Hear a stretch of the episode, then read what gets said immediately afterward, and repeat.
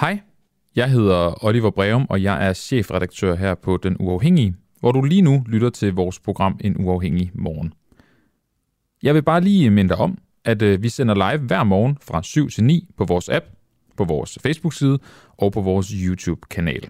I vores app, der kan du ud over morgenprogrammet også lytte til vores andre programmer. De dog kun for medlemmer. Det kunne være programmet Boraki og Pengedoktoren, hvor Camilla Boraki nørder penge og økonomi med den uafhængige økonom Lars Christensen. Der vil løbende komme flere programmer om både politik og journalistik, men du kan altså kun høre dem, hvis du downloader vores app og bliver medlem af den uafhængige. Det kan du til gengæld nemt og hurtigt blive på vores hjemmeside www.duah.dk. En anden god grund til at downloade appen og blive medlem, det er, så slipper du for at høre på mig, hver gang du gerne vil lytte til en uafhængig morgen.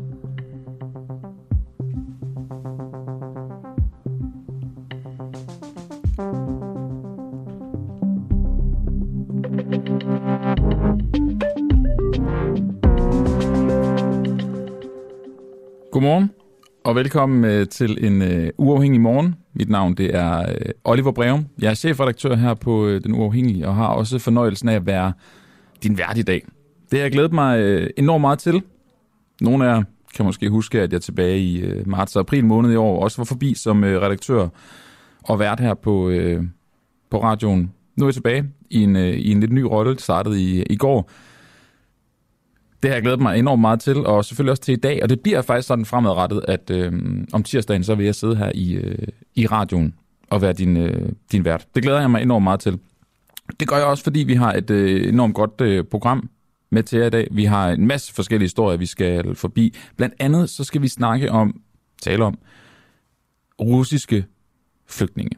Det er sådan efter, at øh, Putin han annoncerede, at han vil øh, mobilisere 300.000 øh, russiske øh, krigere, så er det strømmet ud med flygtninge fra øh, Rusland, blandt andet masse til Georgien og andre nærliggende lande. Hvad nu, hvis nogle af dem kommer til Danmark? Hvad gør vi så? Det skal vi tale med Kasper Sandkær om senere på morgen, der er udlænding og integrationsordfører for Socialdemokratiet. Vi har en masse andet med til at Jeg skal nok komme ind på det, når, når tid er.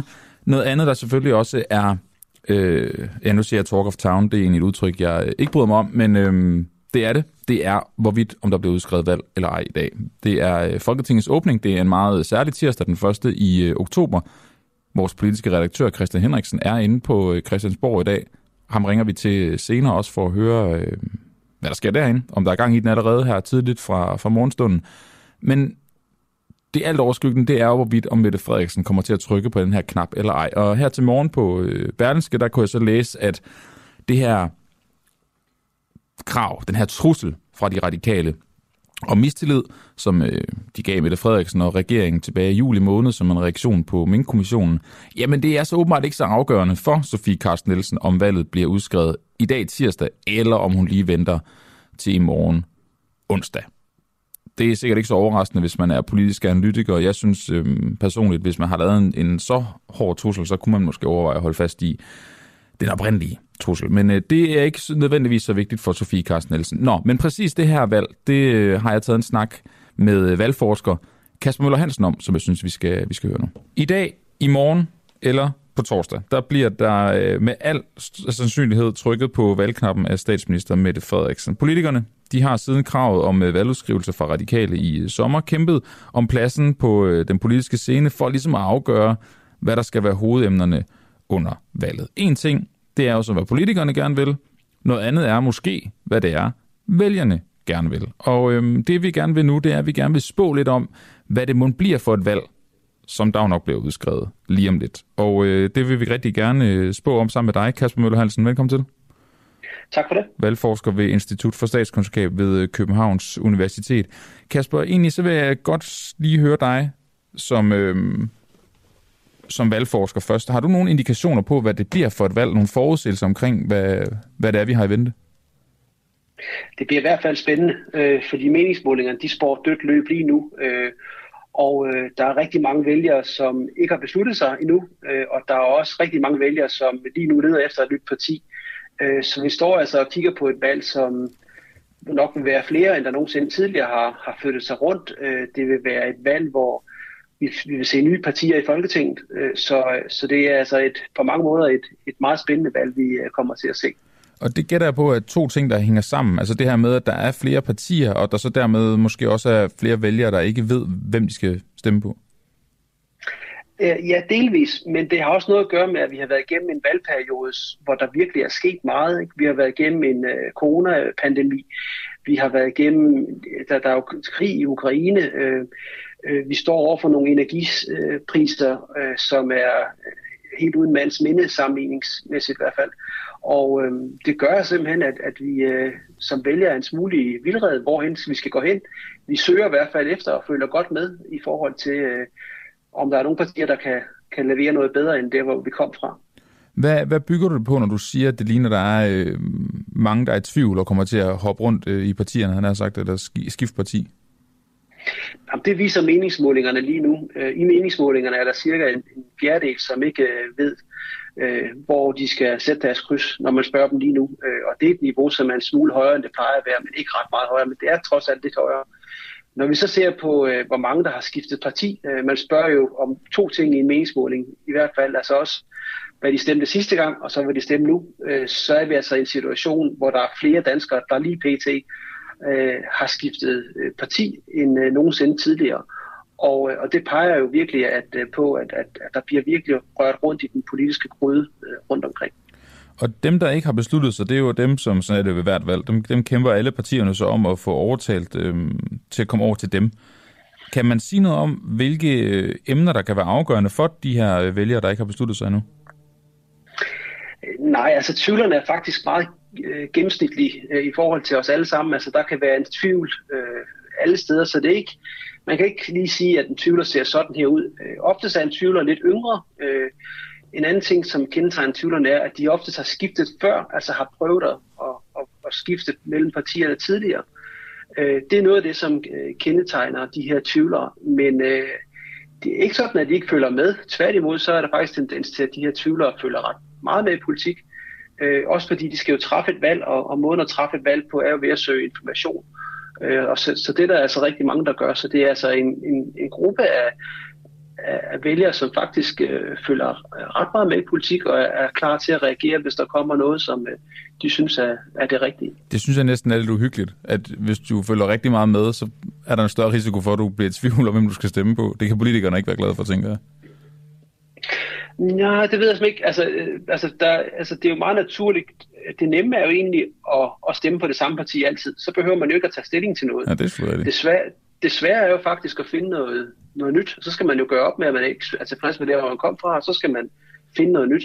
Og, og det betyder, at så skal man følge med. Så, så jeg synes egentlig, at måske det, det kan godt være sundhedstegn på demokratiet, at vi ser, at, at vælgerne lige nu er, er meget søgende i det, i det politiske rum. Er der, øh, er der rekordmange tvivlere, eller er folk, der ser ud til at hoppe frem og tilbage, eller hvis man kigger tilbage i tiden, eller hvordan ser det ud? Ja, der er, altså cirka 45 procent siger lige nu, hvis vi gør, kan man sige, ser på tværs af alle meningsmålingerne, som vil skifte parti. Øh, og det, var, øh, det bliver en Danmarks rekord, hvis det holder stik. Øh, nu er valgkampen jo øh, først så småt ved at komme rigtig i gang her de næste par uger, øh, og der kan ske rigtig meget, at man kommer tilbage, falder tilbage til det samme parti, øh, hvor man kom fra. Men lige nu øh, står vi altså og kigger på en, øh, en Danmarks rekord i forhold til skifter, hvis det holder stik.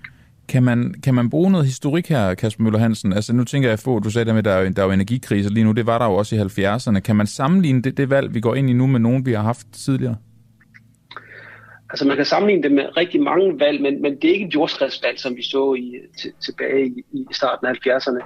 Det er jo ikke sådan, at der kommer en masse ny politik ind. Altså der er nogle nye partier, der byder sig til nu, men jeg ser lidt, at de byder sig til, øh, kan man sige, inden for det politiske spektrum, vi allerede kender.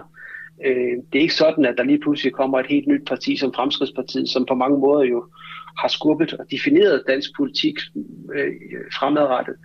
Øh, så, så de nye partier, vi ser i dag, øh, er mere et udtryk for, at der, har, der er nogle partier, der er faldet sammen, og der er nogen, der, der er kommet til.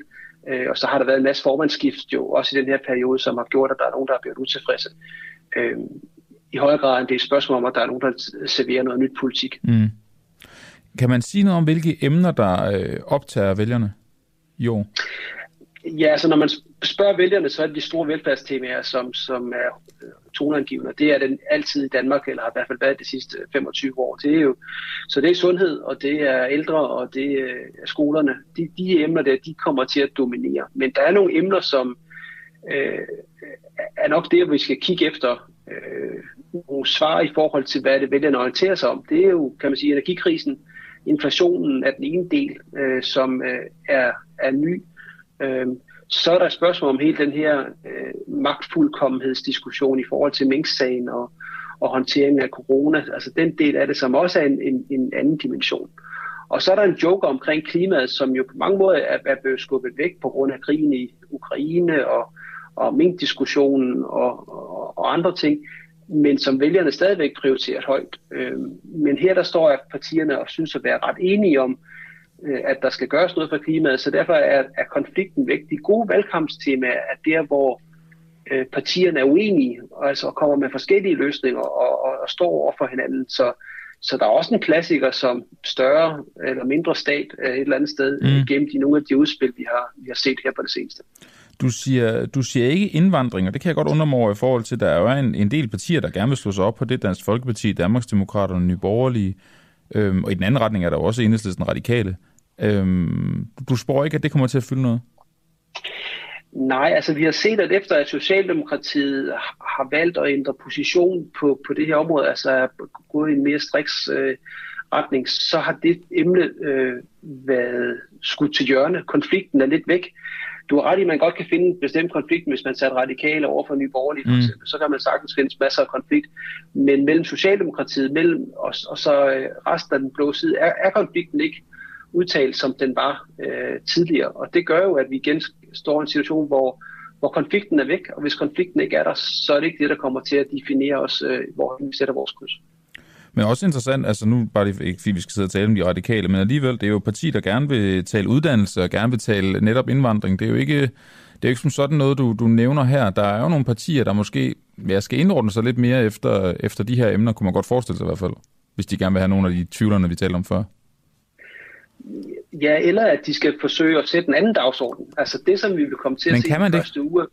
Tror du, ja, det, det, tror du, det kan lade sig gøre? Man kan godt forsøge det. Altså, ja. Det gælder jo om at vinde dagsordenen her den første uge, at fortælle alle vælgerne, hvad skal det her valg dreje sig om. Så hvis at altså Socialdemokratiet, de vil gå ud og sige, at det her det er en folkeafstemning om Arne, øh, pensionen, og, og, og andre vil gå ud og sige, at det her det er et spørgsmål om magtfuldkommenhed, og andre igen vil måske forsøge at, at, at trække uddannelsesdiskussionen op mm. i forhold til udflytning af, af, af studiepladser og, og forkortelse af det videregående uddannelsessystem, og hvad det ellers kunne være. Øh, men øh, jeg, jeg, så, så, så hvert parti har jo næsten deres bud på, hvad den her skal, valgkamp skal dreje sig om, og med god grund, fordi hvis man får fortalt vælgerne, at det her det er en diskussion omkring Arne-pensionen, så er det jo det, vi tager med ind, når vi skal sætte vores kryds.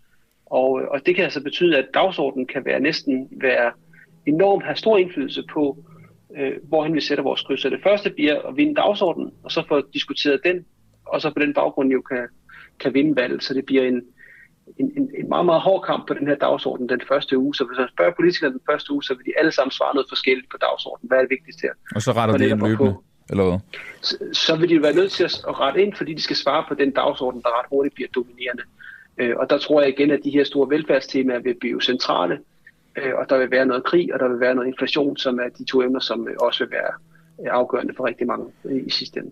Kasper Møller Hansen, der er ligesom med nogle af regeringens klimaaftaler ikke nogen konsekvenser, hvis du har øh, spået forkert, men jeg, ja, men jeg noterer mig alligevel, at du siger velfærdstemaen, energikrisen, inflation, og så må vi se øh, som en joker med klimaet, og så kan det være, at vi skal, øh, vi skal tales vind, og valget rigtig kommer i gang, måske lige en uges tid inden, og så se, øh, hvordan det står til, og hvor vi er henne på de her, de her emner. Ja, altså, jamen, magtfuldkommenhedsdiskussion, den er i hvert fald også øh, væsentlig. Der, der har den ene side af, af, af Folketinget i hvert fald en kæmpe interesse i at tale det op. Så, så jeg tror bestemt også, det vil være en del af det. Så jeg der er magtfuldkommenhed også, ja. Så, så det, øh, det, bliver, det bliver virkelig interessant at, at, at følge den også, øh, kan man sige, som kan man sige, når man tager forskerhatten på, så er det jo interessant at se, hvordan de forsøger at sætte de her dagsordner og, øhm, og hvordan at, at, at de, øh, de lykkes med det. Øh, det. Det bliver spændende. Jamen, det, det må vi tage en snak om, når valget kommer i gang, Kasper Møller Hansen. For, øh, ja. Forløbet, så vil jeg sige tak, fordi du var med her til, til at spå lidt om, hvad der kommer til at ske, når, når valget bliver udskrevet. Tak for det. Ja, selv tak. Så skylder jeg også lige at sige godmorgen til øh, jer, der lytter med derude. Der er flere af jer, der har skrevet ind. Tak for øh, det. I har også mulighed for at skrive en øh, kommentar til nogle af de ting, vi, øh, vi diskuterer og taler om her i, øh, i radioen. Det har Susanne blandt andet gjort, hvor hun skriver, øh, tror, at valget denne gang bliver et protestvalg for mangens vedkommende. Det var lidt det, Kasper Møller Hansen også var inde på her, at øh, der i hvert fald er nogen, der kommer til at hoppe meget rundt, mere end man måske har set tidligere mellem, mellem partierne. Nå, vi er ikke færdige med at tale om valget, men nu skal vi dog til noget helt andet. Vi skal nemlig tale om det, der foregår nede i Iran lige nu. De sidste øh, par uger, der har der været store demonstrationer i, i netop Iran. Det sker efter, at øh, den her 22-årige iranske kvinde, Gina Masha Amini, hun døde i uh, Irans moralpolitis varetægt. Amini, hun blev øh, anholdt for uh, det, der bliver kaldt upassende påklædning, fordi hun ikke bar sin hijab korrekt. I lørdags, der blev der så afholdt en støttedemonstration for Iran. Det var et, hvad skal man sige, globalt event. Det foregik flere, flere steder rundt om i verden, der hed øh, Global Day of Action for Iran. Og øh, det foregik i Christiansborg i det indre København. Og det var som sagt på baggrund af, af det her ulykke, den her tragedie, der skete med, øh, med Gina Masha Amini. Hun blev ifølge øjenvidner tævet og af det her moralpoliti og døde så efterfølgende på hospitalet af sine kvæstelser. Og det her har så ligesom skabt oprør over øh, hele Iran og i resten af verden. Camilla Boraki, journalist her på, på radioen, hun var til stede ved den her demonstration i lørdags og fangede øh, Gina Masha Aminis kusine, der hedder Kasi Mohamedi, og hun øh, bor til daglig i Norge, men var altså til stede for at øh, tale til det her arrangement. Og Camilla, hun øh, optog den snak, og hun lægger ud med at spørge ind til, hvilket menneske Gina Masha Amini var. Og vi skal øh, lige på forhånd sige, at det er jo en demonstration, så der er også lidt taler og lidt, øh, lidt gang ind i baggrunden. Men prøv at høre her, hvad, øh, hvad Kassi hun sagde til Camilla. Gina var som os alle. Altså, hun var en helt almindelig pige, som jo mere vi holder sammen, øh, jo mere har det drømmer og forventninger til livet, som vi alle gør. Og husk også og at skrive under på den petition, som findes bare var en genuin godhjertet pige, som vil aldrig rømme sig godt. Hun passede på sin lillebror, sin mor, sin far, familien. Ja. Øh. Og øh, hvad, hvad, hvad tror du, hvordan tror du, hun havde reageret på det, som mordet på hende har i gang sat? Jeg tror, at den er svær. Øh, jeg tror aldrig, hun mente, at det her skulle ske, men når det skulle ske sådan her, så tror jeg, hun, det, hun bliver glad for at se, at hele Iran rejser sig nu. Hele verden, alle iranere rundt om, alle kyrder, øhm, står sammen om den her. Og det tror jeg, hun har det virkelig synes var fint. Og hvad med hendes familie nu? Er de også ude i gaderne, eller passer de på sig selv? Øh, den er svær, fordi... Hendes familie i Iran, mener jeg. Ja. Øhm, de, de er i sov, øh, så de er derhjemme. Og så kan jeg ikke sige mere, fordi det er farligt. Ja, ja selvfølgelig. Ja. Øhm, og hvad med dig selv? Hvad, øhm, er du også øh, til protester rundt omkring, nu er du kommet her i dag? Jeg er kommet her i dag, og den første jeg er med til, fordi jeg har min hjerne har ikke helt forstået, hvad der sker. Da jeg fik vist det, så var jeg på ferie. Øh, men hele min familie, min mor, far, søster, bror i Norge, de har kæmpet så, så igen. De har snakket med alle medier, de kan. Øh, demonstreret. Der er også en demonstration i Oslo i morgen, de skal til. Så det har været det mindste, jeg kunne gøre. Hvad, hvad ønsker I af de vestlige regeringer? Hvilken handling ønsker I? Uh, vi skal stoppe regime. Det skal nat. Det skal være frit i Iran. Uh, stop med at hjælpe dem. Stop med at støtte dem i, i vores land. Og nu kan jeg så byde velkommen til dig, Aram Ostadian øh, Binay. Du er stifter og direktør i øh, For the Soulfuls, et fællesskab for, for unge kvinder. Adam, du sad nikket under, øh, under interviewet her, vi hørte med, med Kassim Mohamedi, der er kusine til Shina Masha Amini, der, øh, der blev slået ihjel. Hvad, hvad var det, du, du nikkede til? Jeg tror, det jeg kunne genkende i den måde, hun beskrev Shina på, øh, eller Marsa på, øh, det er bare noget, jeg kan genkende fra, øh, både mig selv, men også rigtig mange kvinder, øh, iranske kvinder. Øh, så det er, øh, det er hendes øh, godt hjerte og modig, altså en modig kvinde, øh, som med, ja, med hendes øh, stedighed til at ligesom stå fast i, at hun er god nok, som hun er, øh, som gjorde selvfølgelig, at øh, øh, den, øh, altså de moralske politi ligesom skulle vise lidt grå vold øh, mod hende til at få hende ind i bilen, øh, gør, at i dag vi sidder og snakker om, om hende, men alle iranske kvinder, øh, som lever under de omstændigheder.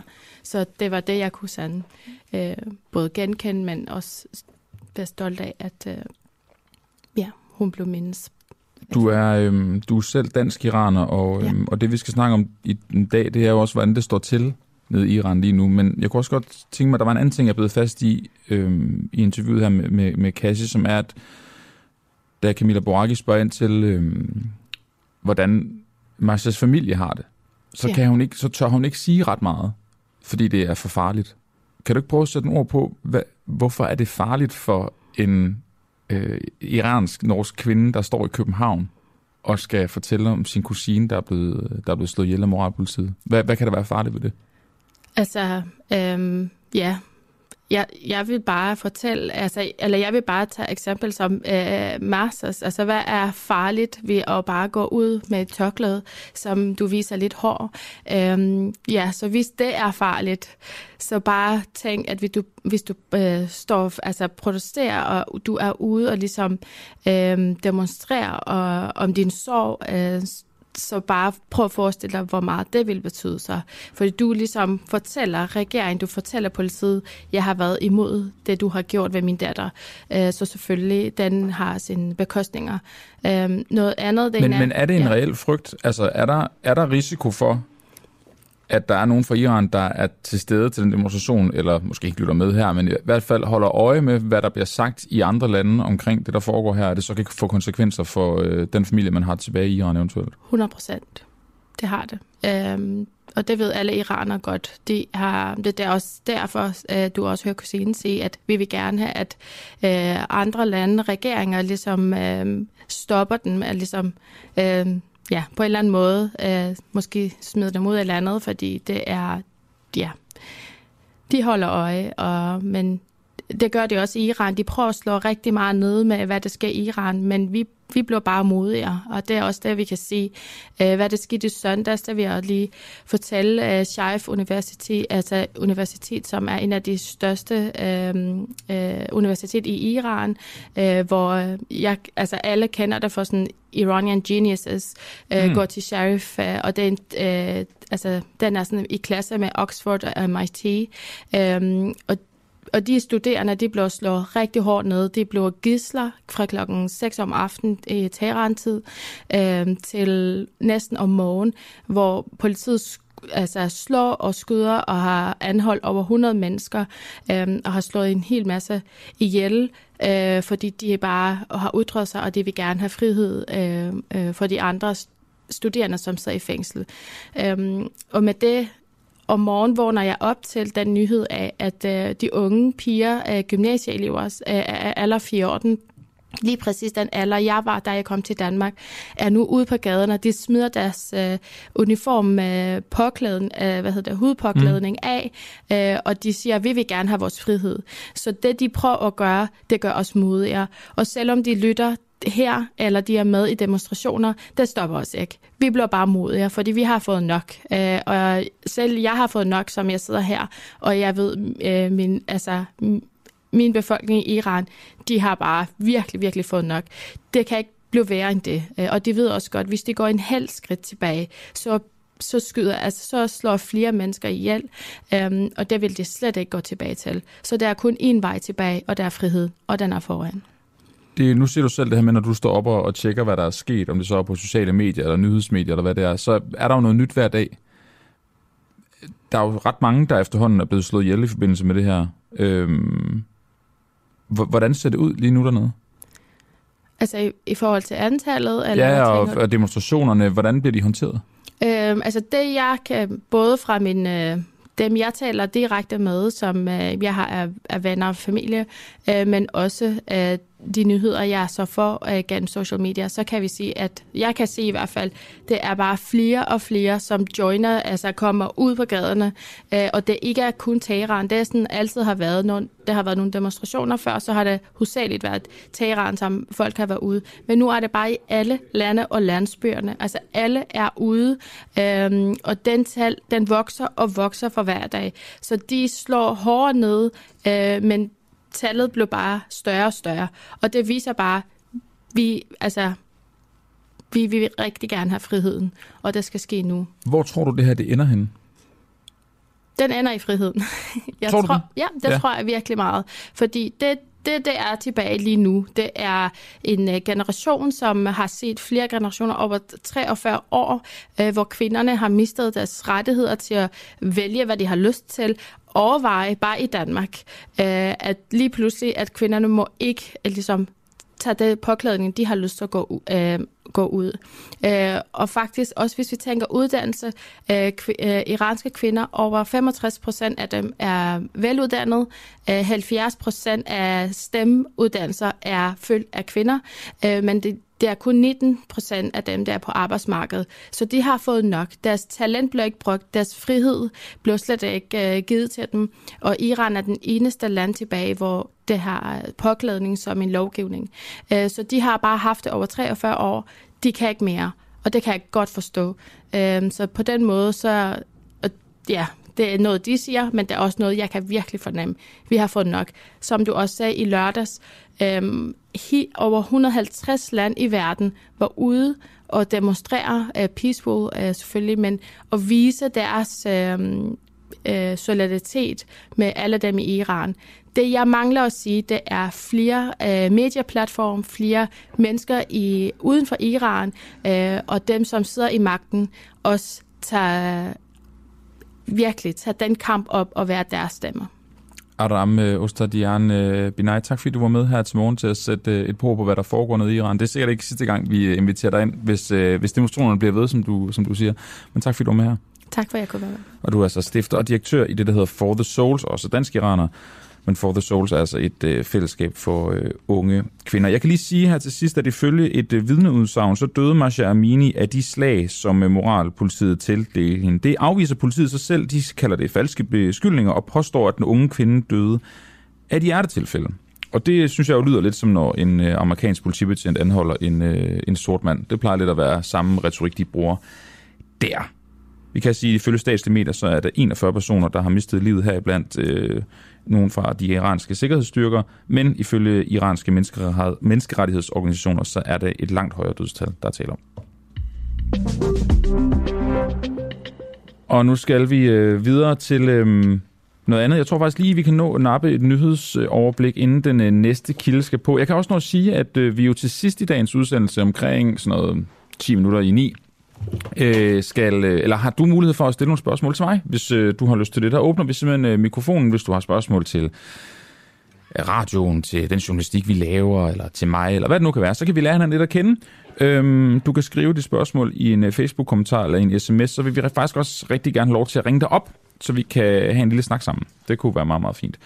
Øhm, klokken den er efterhånden blevet 27 minutter over øh, 7, og jeg vil gerne lige nævne en, øh, en ret sjov nyhed, som øh, vi faldt over her til morgen, som drejer sig om de radikale... Nej, det gør jeg drejer sig ikke om radikale. Det drejer sig om, øh, om Københavns borgerrepræsentation. Det er nemlig sådan, at øh, de blå politikere i København, de vil gerne have ændret en omstridt sprogpolitik. Københavns Kommune, de har lavet en sprogpolitik, der gør, at, hvor der står, at pædagoger og lærere osv., de skal være opmærksomme på at være kønsneutrale i deres sprog over for øh, mor, far, mand, kvinde. Øh, en retningslinje, der ligesom skal gøre, at man ikke træder nogen over tæerne i forhold til, hvis man ser sig selv som et andet køn, eller måske man har to mødre eller to fædre. Men det mener børne- og ungdomsborgmester Jakob Næsser fra Konservativ og integrations- og beskæftigelsesborgmester Jens Christian Lytten fra Venstre er for meget. Jakob Næsser han siger til øh, Berlingske, det her er, øh, går for langt, og vi ønsker ikke, at kommunen skal blande sig i, hvordan man tiltaler forældre. Det kan de ansatte godt selv finde ud af, siger Jakob Nesse. Han vil så derfor rejse et forslag om at ændre vejledning i borger repræsentation. Det er en historie, vi prøver at jagte videre på, hvis ikke her til morgen, så øh, til de kommende dage. Det, der er interessant, er, at øh, da den her vejledning blev lavet tilbage i 2019, der ligner det altså ifølge vores research, at øh, dengang var alle enige.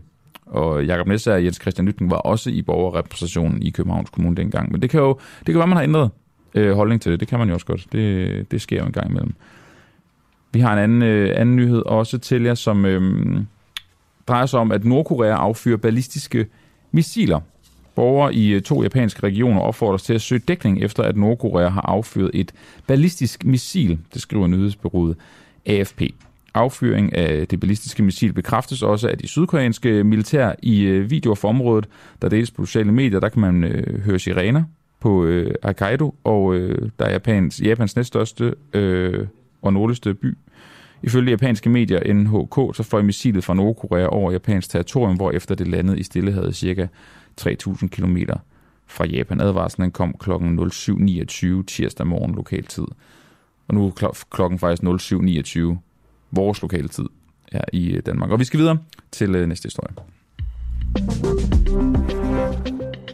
Vi skal nemlig finde ud af, om Danmark ligger, som vi har ret, når det kommer til sabotagen på øh, Nord Stream-ledning 1 og 2. Grunden til, at vi skal det, er jo, at øh, det har fyldt meget de sidste par uger, det her gaslæg, som efterhånden er overstået fra de øh, huller, der kom på gasledningerne som følge af, af sabotagen på, øh, på Nord Stream øh, 1 og 2. Og det betyder jo sådan set også, at det er først er nu, at man rigtig kan gå i gang med at finde ud af, hvad der er sket. Der er jo sådan et øh, dansk, svensk og tysk samarbejde, der øh, gerne vil opklare, hvad der ligesom er, er op og ned. Rusland har sagt, at de også gerne vil, øh, vil undersøge det. Det virker ikke som om, at de umiddelbart er en del af den der træenighed i forhold til, til det danske, svenske og tyske arbejde. Men nu hvor kassen ligesom er oppe, så kan man så begynde at kigge på, hvad er det egentlig, der er sket. Øhm, det, der er interessant, det er, at vi så nu skal finde ud af, om det kunne være undgået med ret øh, få og simple midler. Det er der nemlig flere, der mener. Fordi at... Øh, en ting er, at vi skal finde ud af, hvem der står bag, noget andet er også, at vi skal finde ud af, hvordan det hele taget så kunne ske. Men det sidste, det er måske ikke så underligt, at det kunne ske. Det mener du i hvert fald, øh, Jens Wenzel, der er militær analytiker og forsker i, øh, i dansk sikkerhedspolitik ved Center for Militære Studier ved Københavns Universitet. Godmorgen. Jens, kan du høre mig? Det kan du her. Godmorgen, Jens. Øhm, Godmorgen, ja. Jens, ligger Danmark, som vi har ret i forhold til, at øh, det var muligt at lave sabotage på, på Nord Stream? Altså, øh, det kan man til en vis grad godt sige. Men jeg vil også godt lige understrege, at det er jo fuldstændig umuligt at taste Danmark ind øh, med hegnspæle rundt omkring og, og se alt, hvad der foregår. Vi har et ret, ret godt indtryk af, hvad der foregår på overfladen. Men det kan være ganske vanskeligt øh, øh, forsvar at se, hvad der foregår ned under øh, overfladen. Og øh, det siger jeg med baggrund i, at vi har mistet mange af de kapaciteter, som vi øh, for, for tilbage til 2014 nedlagde de sidste dage. Altså eksempelvis de her standard flex minerydder og minestryger, som vi havde. Vi har ikke længere ubåde, som øh, var ganske velegnet til at kunne øh, se ned under havoverfladen og høre, hvad der foregik, øh, og så også øh, var ganske øh, vigtige og, og, og troværdige efterretningsplatforme til at indhente informationer, der foregår. Og når man ikke har de kapaciteter mere, så kan det være ganske vanskeligt at, at holde øje med, hvad skal man sige, hvad der foregår. Og det bliver vi nok nødt til at, at adressere i, uh, i det fremtidige forsvarsforlig. Men det bliver jo også meget hurtigt sådan lidt kontrafaktisk, synes jeg. Altså, hvis nu vi havde haft det her, så kunne vi måske have opdaget det. Altså, er det ikke sådan lidt, ja. nu sket er sket, og så må vi ligesom se, hvad der foregår. Er det, er det ikke lidt øh, unødvendigt at kigge tilbage og sige, jamen, hvad nu, hvis vi havde haft det her og det her? Jo, det kan man godt sige, men samtidig må man så også erkende, at, at havde man haft noget, havde man i hvert fald kun, kun øh, haft mulighed for og, øh, og, og opdage, hvad der skete. Ikke? Men, men det er klart, at man må kigge på fremtiden og så se, hvordan forhindrer vi de her ting øh, sker. Og navnlig, når vi ser på vores øh, store energiøer og havvindmølleparker, der skal bygges i fremtiden, jamen så er man også nødt til at sige, jamen, hvordan får vi så beskyttet dem?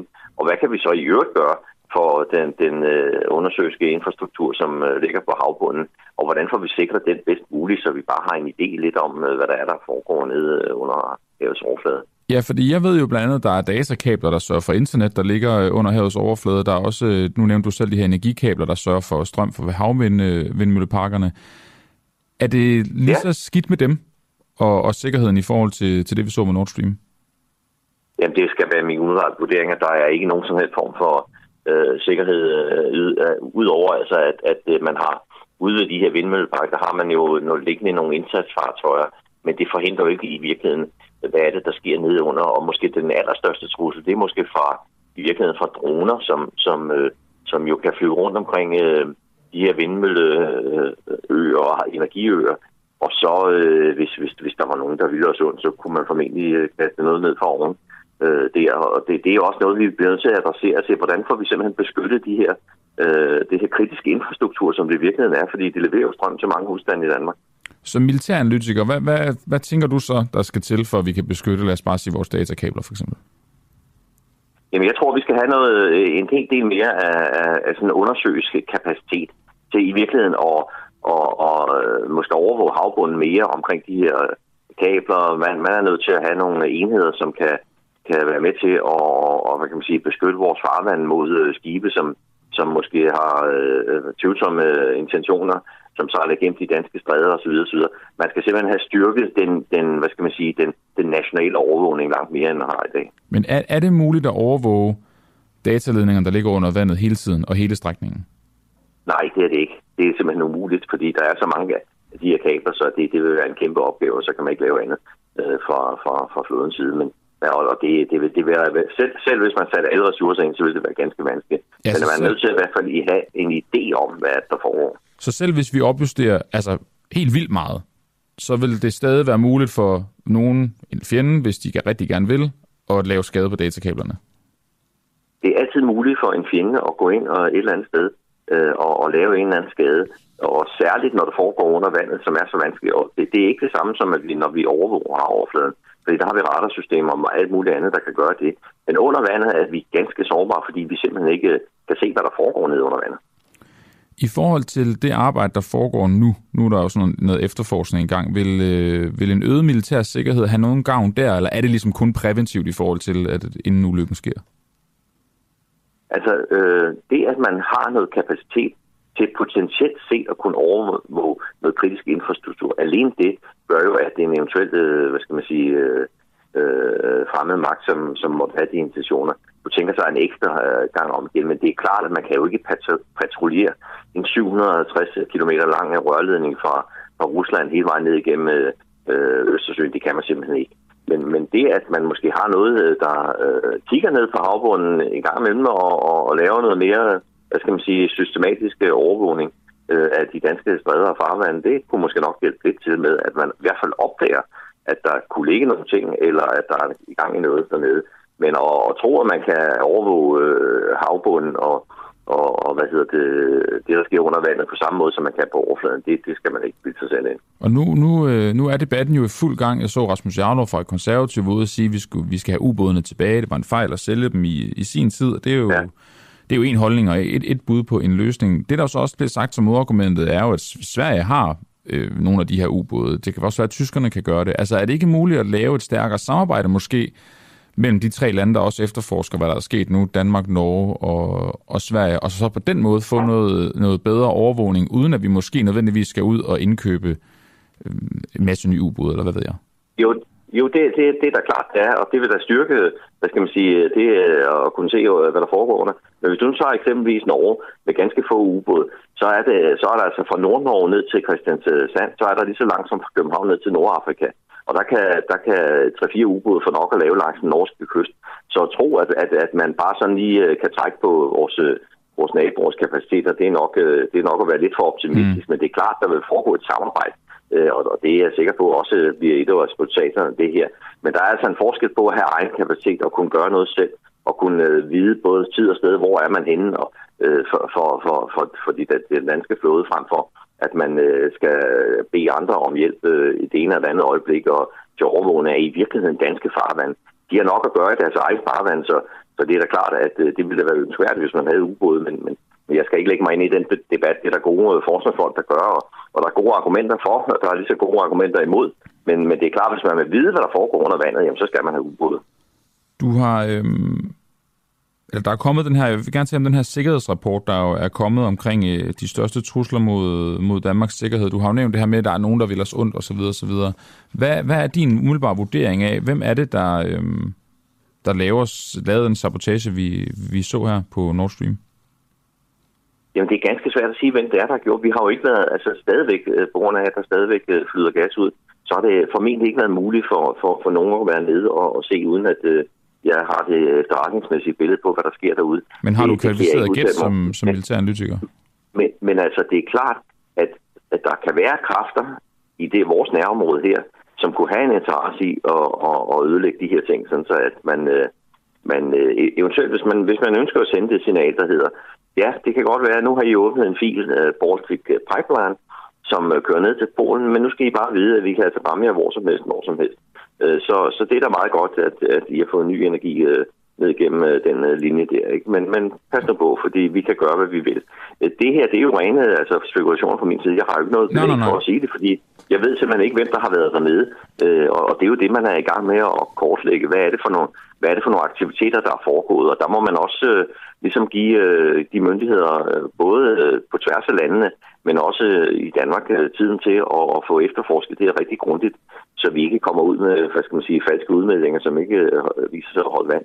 Det, det, det, det er klart, man, man melder ikke noget ud, uden at det også passer. Lige her til sidst, Jens Svendsen, så har du udtalt, at vi, leve, vi har levet i en fredstidsmentalitet siden den kolde krigs afslutning. Vores fokus har været på opbygning af velfærdssamfundet, energisystemer og alt det, der bærer vores samfund igennem. Men vi har slet ikke tænkt på at skulle beskytte de her ting, og det er jo så for eksempel vores øh, dataledning og Nord Stream og så videre mod angreb. Men jeg godt tænke mig at spørge dig, er det ikke meget logisk, at når der er en længere periode med fred, så nedskalerer man så også på militæret, og man sørger for, at, at velfærdssamfundet kommer op og kører. Når verden så bliver mere ustabil, så opskalerer man igen, som man, som man ser nu.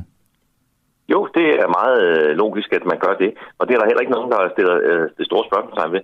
Det, det, man bare skal være klar over i den sammenhæng, det er, at fra man ønsker en kapacitet, eksempelvis nye skibstyper til flåden eller ubåd, jamen så tager det altså 10 år at, og, og, og, hvad kan man sige, opbygge den her kapacitet. Og verden den forandrer sig altså lidt hurtigere end 10 år, og det ser vi jo navnlig her i den her periode her, ikke, hvor vi lige pludselig øh, bliver udsat for, for, for angreb, som vi allermindst havde forventet. Og der er der altså ikke, øh, det er ikke tid til at tegne gaskeforsikringen, når, når hændelsen er sket. Så, så derfor må man i øh, have så meget, hvad skal man sige, forudsenhed i sine analyser. Det er også det, Silmer Jons-rapporten, øh, den kigger lidt ud i fremtiden. Og det er også på den måde, man er nødt til at designe det kommende forsvarsforlig, at man må kigge lidt ud i krystalkuglen og sige, hvad kan vi forvente af, af potentielle trusler øh, mod øh, Danmark? Og, og det inkluderer selvfølgelig også øh, den øh, energiforsyning, som vi er så afhængige af. Jens Wenzel, militæranalytiker og forsker i dansk sikkerhedspolitik ved Center for Militære Studier ved Københavns Universitet. Tak for, du med os i morgen. Det var så let. Hej. Hej. Og øhm, så skal vi øh, så småt videre til en, til en ret øh, sjov historie. Den er fra byrådet i Aarhus. I det byråd, der sidder en øh, herre, der hedder Jakob Søgaard Clausen. Han er løsgænger i byrådet. Han er tidligere for Dansk Folkeparti. Og øhm, da Jakob Søgaard Clausen han øh, mødte ind forleden i øh, byrådssalen på øh, Aarhus øh, Rådhus, så var der ved hans plads en brochure. Og den her brochure, den var altså fra Hizbut Tahrir om en øh, konference, der handlede om at øh, have fokus på for, forsvaret af brugen af den muslimske hovedbeklædning hijab. Og det spiller nok også lidt ind på den her kommission, der var kommet med anbefaling om, at det ikke skulle være muligt at bære de her hovedbeklædninger i, øh, i folkeskolen blandt andet. Ret interessant, at øh, der så ligger den her brochure, men hvem har snedet den her Hizbut brochure ind i salen i Aarhus Byråd? Jamen det kan jeg så passende spørge netop dig om Jakob Søgaard Clausen. Godmorgen. Godmorgen. Hvem var det, tror du? ja, det er jo et godt spørgsmål. Det er jo lidt en mystisk sag. Jeg ved ikke, om det er Hizbut Tahrir, der gerne vil i kontakt med mig, eller det, det er nogen, der bare synes, de skulle lave en prank på mig, men øh, jeg ved det ikke. Du har et, ikke, noget, ikke noget kvalificeret gæt? Nej, det kan jeg simpelthen ikke øh, gennemskue. Lå den øh, kun hos dig, den her brochure, eller var der andre, der også havde, havde fået den? Nej, der var andre byrådsmedlemmer, der også har fået den, men det var langt fra øh, alle sammen. Hvorfor øh, tror du, at, øh, at den lå hos dig? Jamen, jeg tænker, at det er fordi, at hvem end der har lagt den, der godt ved, at øh, jeg synes, det er en god idé at forbyde tørklæder i, i folkeskolen. Øh, så derfor er det nok en eller anden form for provokation. TV2 Østjylland de har været i kontakt med, med Aarhus Byråd. De mener, at forklaringen kan være, at politikernes post fra deres øh, dueslag bliver lagt på deres bord, når der er et byrådsmøde af, af byrådssekretariatet, der ligger det der. Tror du bare, det er det, der er Ja. sket? Nej, altså fordi vi, vi plejer at få sådan en stor konvolut øh, med alt det post, der ligger i vores stueslag. Øh, og den lå ikke i den konvolut, den lå sådan særskilt øh, på min plads øh, og på de andres plads. Så, så det er nogen, der der enten har været inde i byrådssagen, eller fået nogen til at gå ind og lægge det sådan. Og Jacob, hvis vi to så skal spekulere lidt, ikke? så gætter jeg på, ja. at øh, du synes, at tørklæder i folkeskolen skal forbydes. Ja, lige præcis. Så der vil jo nok være nogen, der tænker, at den brochure kunne du måske have godt af at læse for at øh, udvide din horisont måske. Bare vil gøre dig lidt klogere. Ja, altså det var nu ikke, fordi der var ret mange informationer i den. Det var mest af alt uh, bare et reklamefremstød fra, at uh, Hizbut holdt uh, den her konference her i weekend uh, ude i Aarhus Vest. Så, så det var ikke, fordi man blev så meget klogere af at læse den. Har du set, der kom til arrangementet? Nej, Nej. Det, det har jeg ikke. Det var i, jeg tror det var søndags. Det var, oh, det var i søndags, okay. Og det var der. Jeg ikke tænkt at dukke op, og jeg tror heller, eller jeg håber heller ikke, at der var mange, der dukkede op til det. Men Jakob Søger, lad os så uh, tale om det her med tørklæder i, i folkeskolen. Det er jo oplagt at gøre, når det er det, det, du gerne vil, det brosyren gerne vil uh, have i tale også. Bør det være lovligt at bære tørklæde, hvis ikke det er på grund af religion? Det tænker jeg ikke, der er så mange, der gør. Men øh, jeg synes egentlig, at det, det vigtigste er, at man siger, at der skal ikke være religiøs hovedbeklædning på børn i vores folkeskole. Og så tager vi den derfra. Men det kan godt være, at der ikke er så mange, der gør det, men det kan godt være, at der er nogen, der gør det. Hvis nu øh, jeg har en datter, og jeg gerne vil øh, give hende et, øh, et tørklæde på, hun, jeg er ikke specielt troende overhovedet, jeg har ikke sådan nogen særlig retning, hvad det angår. Må hun godt have det på i skolen? Ja, altså det her forslag handler om religiøs hovedbeklædning, øh, og det er det, som er ønsket, det er at forebygge social kontrol. Øh, så tænker jeg ud på de enkelte skoler, så kan de godt øh, gennemskue, hvis der er andre ting, der ligger bag. Der er også nogle unge mænd, der godt kan lide at gå med hættetrøje, og det, det kan man nogle gange godt i klassen, og andre gange, så skal man lige øh, være til stede og ikke sidde og sove øh, under sin hættetrøje. Så det, det har jeg egentlig tillid til, at man ude på skolerne godt kan finde ud af. Okay, så det vil sige, hvis, min, øh, hvis jeg har en datter, der så synes, at det er så smart og pænt at have hijab på, så må hun godt det? Så længe det ikke handler om, at det er, fordi hun har øh, muslimsk troende? Det er jo så et religiøs hovedbeklædning, som man så ikke skal have på, hvis, øh, hvis det her bliver lavet om til lovgivning. Okay, så den er religiøs lige meget ved, hvad min intentioner er om at have den på? Så hun tager en hijab på, så er det jo noget religiøst. Det er da ikke sikkert, det er det. Et religiøs hovedbeklædning, så, så jo, det er et religiøst symbol. Okay, men øhm, så hun må, ikke, hun må ikke tage den på, selvom hun ikke er muslim og bare synes, den er pæn? Nej, altså man kan sige, at man kan godt øh, gøre grin med forslaget, men jeg synes at der er en problemstilling i forhold til, at øh, små piger bliver Jeg synes ikke, jeg gør grin med forslaget. Prøv bare at blive klogere på, hvordan det skal udmyndes. Jamen, har du, har du kendskab til uh, unge piger, der tager hovedtørklæde på, uh, bare fordi de synes, det er sjovt i skolen? Nej, men det kan da være, det sker. Det tænker jeg da ikke er et, et, et specielt tænkt scenarie. Det, det tænker jeg, det er. Okay. men det reelle problem, det er unge piger, som uh, har hovedbeklædning på, øh, fordi at de enten bliver tvunget til det, eller fordi det er en del af noget social kontrol. Og det er jo det, som man gerne vil modvirke med det her forslag. Ja, så det er det, det, er det du ligesom tænker, man kan opnå ved at forbyde det? Ja. Er der nogen videnskabelig dokumentation for, at det kommer til at ske? Ja, altså den her kommission har jo set på forskellige perspektiver ind i det, jeg mener, at det er, er med til at forebygge, at de her unge piger bliver udsat for social kontrol. Ja, det synes jeg er værd at lytte til. Men det er jo også en kommission, hvor flere har meldt ud, at øh, de er uenige i det, der er blevet sagt, og der har også været eksempler på, at de ikke har sådan researchet helt i bund i forhold til det her. Ja, og det, det må du så snakke med Mette Frederiksen om, så jeg kan forstå, at han finger med i spil. Nå, Men det er andre, vi kan, vi kan jo kun forholde os til det, som der, der bliver offentliggjort fra kommissionens side, og det er, det er en af flere anbefalinger til, hvordan man kan forebygge social kontrol. Men du, ja, det synes jeg, vi skal lytte til. Men du tænker stadig, at det er, det er nok videnskabelig baggrund for at gøre det? Jeg synes, det er et godt udgangspunkt, men, men det er heller ikke alt, der skal handle om videnskab. Det handler også om, hvad det er for et samfund, vi gerne vil være, og hvilke nogle signaler, vi sender. Øh, og det er jo blandt andet med til at sende klart signal, hvis vi siger, at vi ikke vil acceptere, at helt små piger skal gå med religiøs mm. øh, hovedbeklædning i, i folkeskolen, fordi at det skulle øh, være med til at seksualisere dem. Jakob Søgaard Clausen, lad os så sige, at der er en, øh, at det her forbud det bliver en realitet, og der er en, en pige på en oceansk skole, der, øh, der kommer med hijab på alligevel selvom der er et forbud. Hvad skal konsekvensen være for, for pigen, der ikke øh, der så nægter at fjerne det? Jamen altså konsekvensen skal jo ikke være målrettet pigen, men målrettet de forældre, som ikke øh, tager det her øh, alvorligt og ansvarligt. Hvordan skal man øh, forklare en 8-årig pige det? At det er ikke dig, vi angriber, når vi tager, beder dig om at tage et job med, det er dine forældre? Eller angriber. Det er ikke dig, der gør noget forkert, det er dine forældre, der gør noget forkert. Altså, da, da jeg var lille og var i børnehave, så øh, kravlede jeg over stakittet sammen med min fætter og, og tog på tur ud i den store verden. Øh, og der kom mine forældre jo ind øh, til samtale øh, på skolen og ved børnehaven til en snak om, hvordan det er, man lige skal opføre sig i børnehaven. Øh, så, så det er jo klart, at det er forældrene, det her handler om, at det er dem, som kommer mm. til at stå til ansvar, hvis de sender deres barn afsted i skole med hijab på, ligesom hvis de sender deres barn afsted i skole med en øl i, i tasken. Øh, så det har jeg egentlig øh, stor tillid til, at det er den vej, man kører det. Men skal man, skal man tage hijaben af den her pige? Nej, man kommer til at tage forældrene hen, og så siger man, at hvis de barn fortsat skal gå den her folkeskole, så skal man ikke have hijab på, fordi det siger loven, at man ikke må. Okay, så, så hvis der kommer en pige, der har en hijab på, så får hun, sådan, altså, hvad kan man sige, så får hun som sådan lov til at beholde den på, men så retter man sådan en henvendelse til forældrene, og så tager man den ligesom derfra. Det tænker jeg. Hvad så, hvis det bliver ved? Lovgiver, så... Hvis, de ikke, hvis de ikke lytter, hvad skal der så ske? Ja, så må man jo finde ud af, at man kan lave nogle sanktioner over forældrene, blandt andet i forhold til børnepenge eller andre øh, måder at sanktionere dem på. Okay, så skal man ramme dem øh, økonomisk?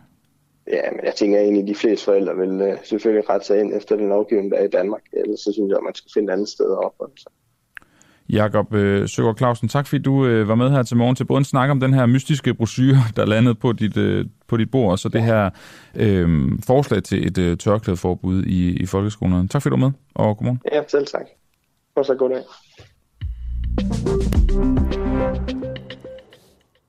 Vi øh, bevæger os øh, stille og roligt videre. Vi skal tale lidt mere om øh, det, der foregår ude ved både Nord Stream 1 og øh, 2. Her i øh, weekenden, der stoppede der med at lægge øh, gas ud. Det betyder så også, at øh, efterforskningen nu efterhånden stille og roligt kan øh, begynde. Senest øh, så kunne Energistyrelsen søndag meddele, at trykket i Nord Stream 1 så ud til at være stabilt. Øhm, der er dog ingen, der ved, hvad der nu er sket. Vi vil øh, sådan set rigtig gerne her på radioen og nu uafhængige have talt med eksperter fra øh, Forsvarsakademiet, men vi erfarer fra flere øh, kilder, vi har været i kontakt med, at Forsvarsakademiets ansatte har fået mundkur på og må derfor ikke længere udtale sig om øh, sagen. Det er jo ret interessant, øh, både hvilket arbejde, der øh, foregår lige nu, og om hvad logikken er bag, at man ligesom har sat en mundkur på, på nogle af de eksperter, der eventuelt kunne, øh, kunne udtale sig. Det, jeg har læst op på indtil videre, det er, at det vist drejer sig om, at der er måske nogle oplysninger, der ikke er så gode at få ud lige nu, i forbindelse med, at man så øh, også undersøger det. Men øh, det er jo interessant, om det så er, er vigtigere, end at, øh, end at vi ligesom kan, så kan blive klogere på det her i radioen. Det kan jo godt være, det er det. Nu kan jeg sige godmorgen til dig, Jacob Serup. Godmorgen. Museumsinspektør på Bornholms Museum og øh, kulturhistoriker. Du har en Ph.D. i flådehistorie. Jakob siger, jeg vil godt starte med at høre dig øhm, om det arbejde, der er begyndt nu. Det er jo en ny fase, vi er gået ind i, eftersom at, at gassen er stoppet med at lægge fra, fra rørene. Så hvad er det for et arbejde, der så går i gang nu? Jamen, øh, det er jo en, øh, en gerningsstedsundersøgelse. Der er jo sket en, en øh, sabotage. Øh, det er jo øh, ulovligt. Så øh, nu skal man ned og se, hvad det er, der er sket. Og det vil sige, at man har, øh, øh især svenskerne har simpelthen øh, sat øh, øh, fartøjer, øh, specialfartøjer ind, som, som kan dykke ned øh, med sådan nogle, sådan nogle, hvad hedder det, undervandsdroner, der kan lave optagelser og undersøgelser. Og så må man jo etablere, hvad det er, der, der er sket, finde spor. Tager man, altså jeg, jeg får sådan nogle billeder i hovedet af sådan en, en rullemarie bare, der kan holde til vand, altså ligesom kan, kan komme ned og så også tage ting med op, eller, eller hvordan foregår det? Ja, der er både og. Altså, som jeg kan se det, så har man mere øh, flere forskellige typer grej. Især svenskerne har det her store øh, øh ubådsredningsskib Belos liggende, det er et højt specialiseret fartøj, som, øh, som både har en, øh, en egentlig dykkerklokke og et øh, øh, en, en, en mini-ubåd, og så de her, øh, de her droner, som, som jo altså opererer uden at, der er folk ombord. Øh, så, så i første omgang, så går man ned, og så tjekker man, at der ikke ligger mere sprængstof. Øh, det vil man selvfølgelig ikke risikere. Og så tjekker, at der ikke øh, strømmer mere gas ud, fordi at det kan, så, så vil man ikke kunne udføre undersøgelserne. Og så i, i, i næste omgang, så kan man begynde at blive lidt mere øh, øh, grundig, og, det, og der dit gæt lige så godt som mit. Okay. Altså præcis, hvordan man gør det. Altså det er, det, det, det er øh, højt specialiseret arbejde. Jeg tror nu, dit gæt er lidt bedre, Jacob Serup alligevel, end mit dog. Men øh, lad nu det ligge. Øh, det, er jo, det er jo en efterforskning, der så bliver lavet i samarbejde med Danmark, Tyskland og Sverige. Hvad, hvad bidrager Danmark med her? Ved du noget om det? Jamen altså, jeg kan jo øh, se, hvad alle andre kan se på, øh, på øh, for eksempel øh, sitet Marine Traffic, øh, hvor man kan, kan følge øh, skibsfarten. Øh, de har jo de her transponder øh, tændt, så man kan se, hvad, hvor øh, hvilke skibe ligger. Og der kan vi se, at øh, oppe ved den, øh, den, den nordlige læk, øh, der ligger øh, det danske øh, støtteskib, øh, eller den danske fregat Esbern Snare, øh, sådan lidt på afstand og passer på øh, de her øh, svenske fartøjer, der, der, der ligger lige ved udstrømningsstederne og, og tydeligvis er i gang med undersøgelserne. Og så har vi øh, ved det sydlige udslip, der har vi en... Øh, øh den anden danske øh, fregat, Absalon. Det, det er simpelthen søværnets to største skibe, der ligger her. Og, øh, og de ligger sammen med, øh, med øh, øh, et, et, et lille øh, dansk specialskib, som muligvis også er i gang med at, at, at tjekke udstrømningen der.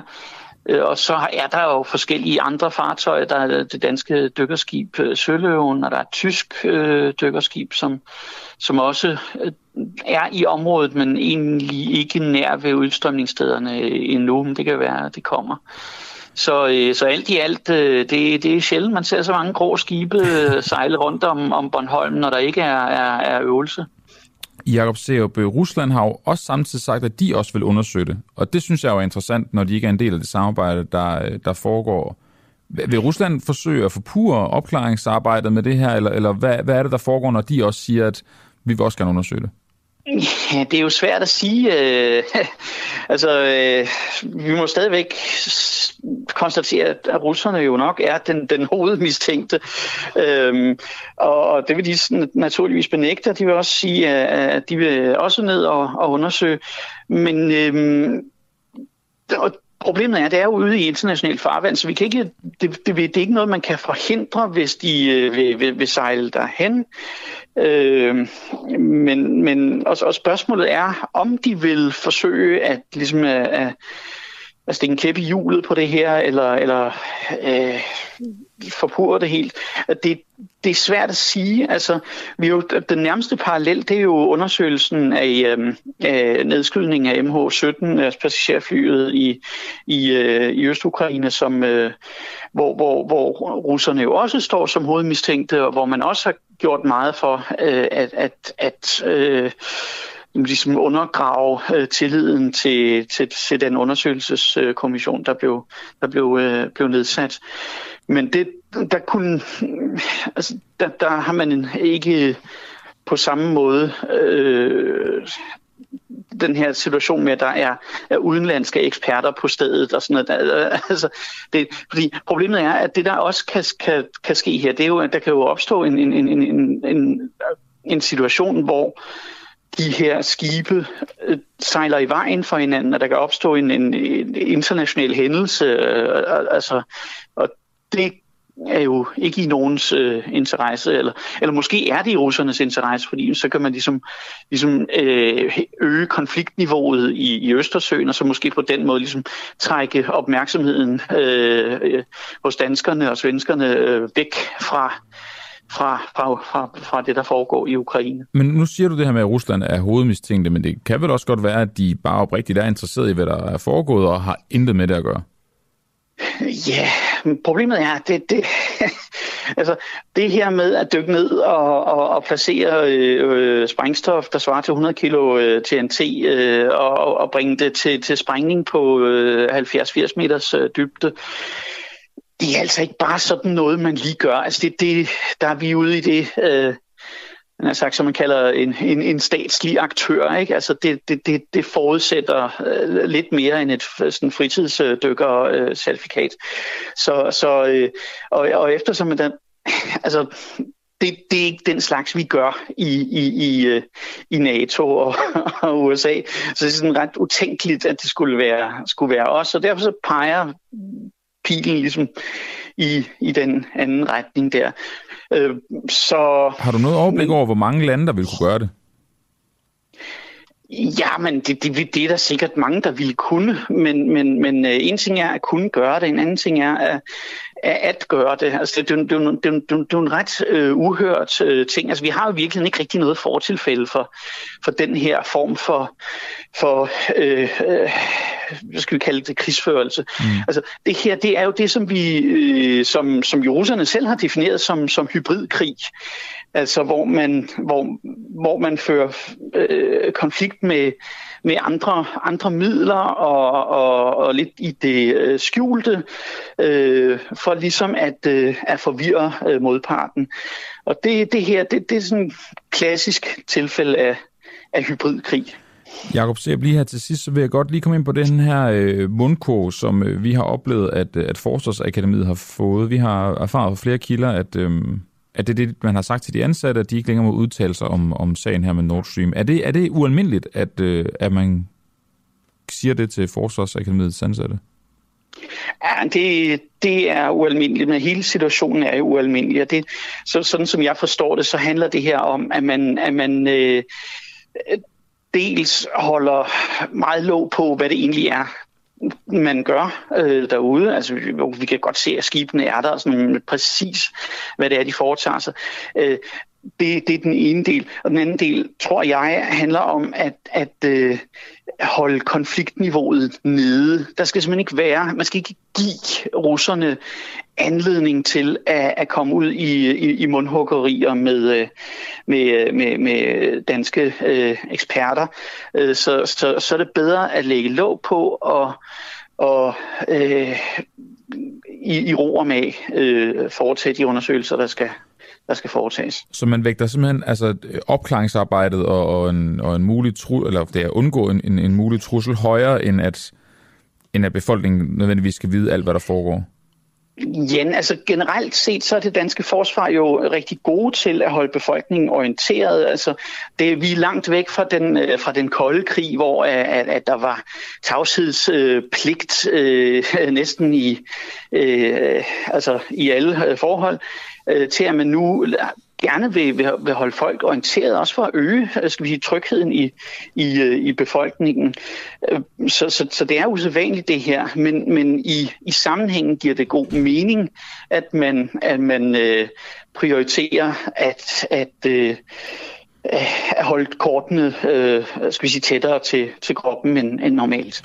Jakob Serup, museumsinspektør på, på øh, Bornholms Museum og øh, kulturhistoriker med en Ph.D. i flådehistorie. Tak fordi du er med her til morgen til at gøre os lidt klogere på, øh, hvad der sker lige nu. Ikke så langt væk fra der, hvor du er jo. Øhm, Nej, det er lige ude. Tak for det. Uden for vinduerne, ja. Hej. Det er interessant, det der øh, foregår derude lige nu. Jeg må indrømme, jeg ved ikke, der er derude, men jeg har min meget store tvivl om, vi nogensinde finder ud af, hvem der gjorde det her, og, øh, og præcis hvordan, øh, hvordan det kunne lade sig gøre. Jeg kunne godt forestille mig, at det ender i sådan en, hm, det fandt vi ikke ud af. Øhm, jeg, tror, det, jeg tror, det er ret svært at undersøge. Men nu må vi se. Det skal, jeg ved jo ikke noget om det. Det kan jo godt være, at der, øh, der kommer noget helt, øh, helt banebrydende ud i forhold til, øh, hvem der har gjort det her. Hej, du lytter til en øh, uafhængig morgen her på Den Uafhængige. Husk, at du også kan lytte med, når vi sender live hver morgen fra 7 til 9. Download vores app, tryk play, det er helt gratis. Nå, nu skal vi videre til den historie, som jeg lagde ud med øh, i morges, da jeg åbnede hele radioen, til at høre, øh, eller prøve at fortælle, undskyld, til at fortælle, øh, at vi jo rigtig gerne vil sætte fokus på, hvad gør vi, hvis der kommer russiske flygtninge til Danmark, og bør Danmark overhovedet tage imod dem?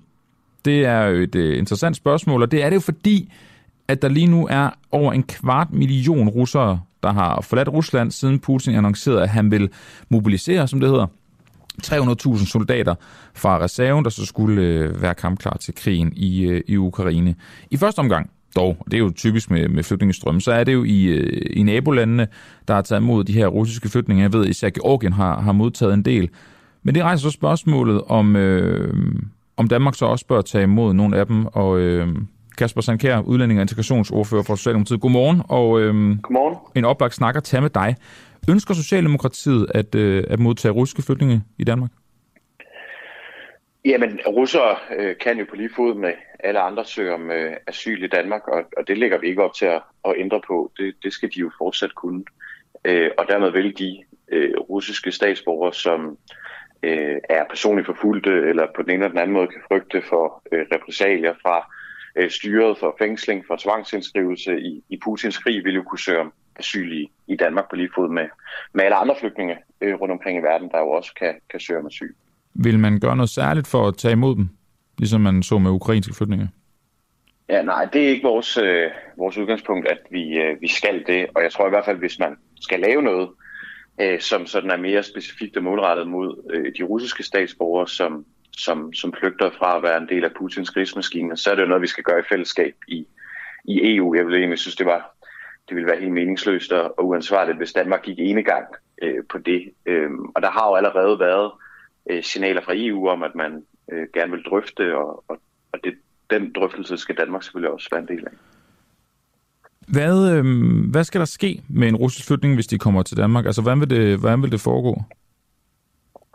Jamen, det vil jo foregå, øh, ligesom når der kommer flygtninge fra øh, andre steder i verden, at øh, de kan søge om, om asyl, og så er der jo i, i, i dansk lovgivning, og det er jo i høj grad på baggrund af, af både flygtningekonventionen, menneskerettigheder og andre internationale konventioner, så er der jo nogle kriterier for, øh, hvem der kan få øh, flygtningestatus, altså asyl og, og midlertidigt ophold i, øh, i Danmark. Og det vil jo så være en konkret vurdering i den enkelte sag, om, om den enkelte øh, Øh, russer lever op til de kriterier i, øh, i lovgivningen. Og nu skal vi jo ikke sagsbehandle her i radioen, men det vil jo nok, sådan som udgangspunkt vil det jo nok være sådan, at hvis man ligesom kan fremvise, at man er blevet indkaldt øh, til, til hæren, altså tvangsindskrevet i den her øh, nye mobilisering, som, som Putin øh, har lavet øh, af, den, af, af dele af den russiske befolkning, så vil man jo nok have øh, krav på asyl.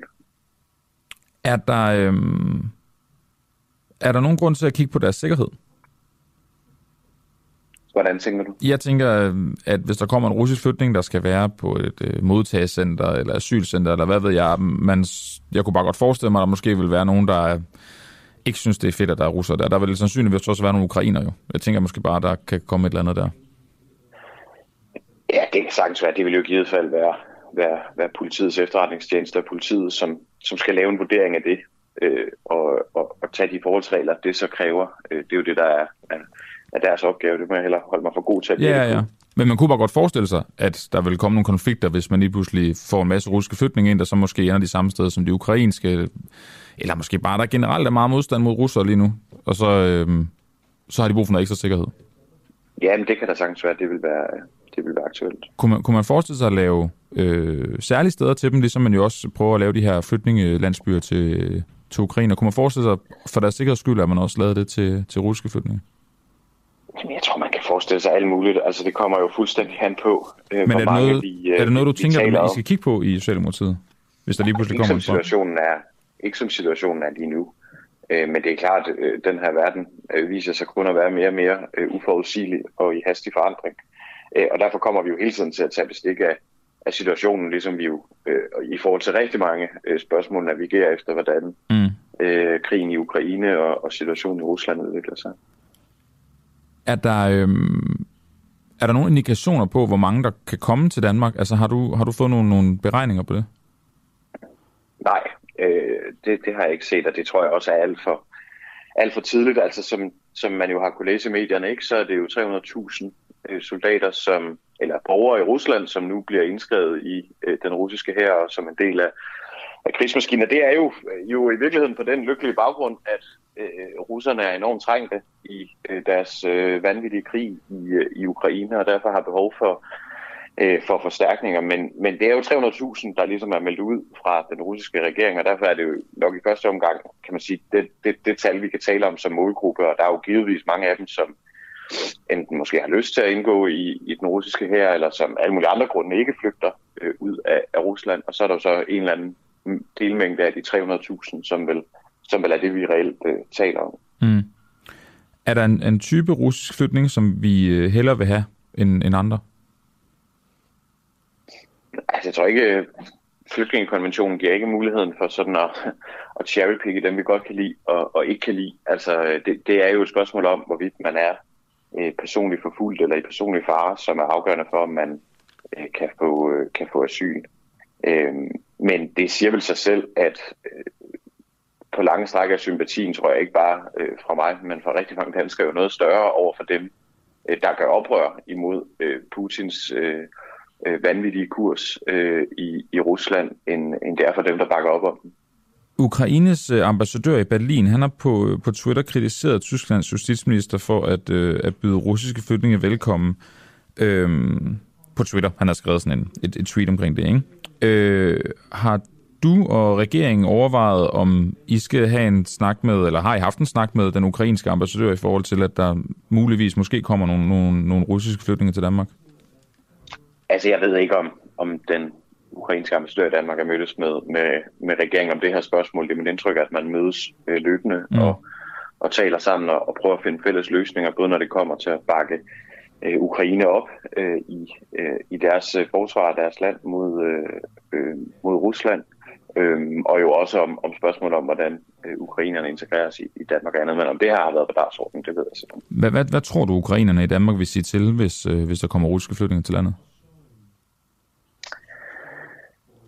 Jamen, det tror jeg da sagtens, du kan have ret i. Det vil der være nogen, som, er, øh, som, vil, som vil slå sig på. Altså, det, det må vi jo så håndtere, hvis den situation opstår. Indtil videre er det jo meget få øh, russere, som har søgt om asyl øh, i Danmark i år. Øh, og hvis den situation ændrer sig, så må vi jo, så må vi jo tage bestik af det.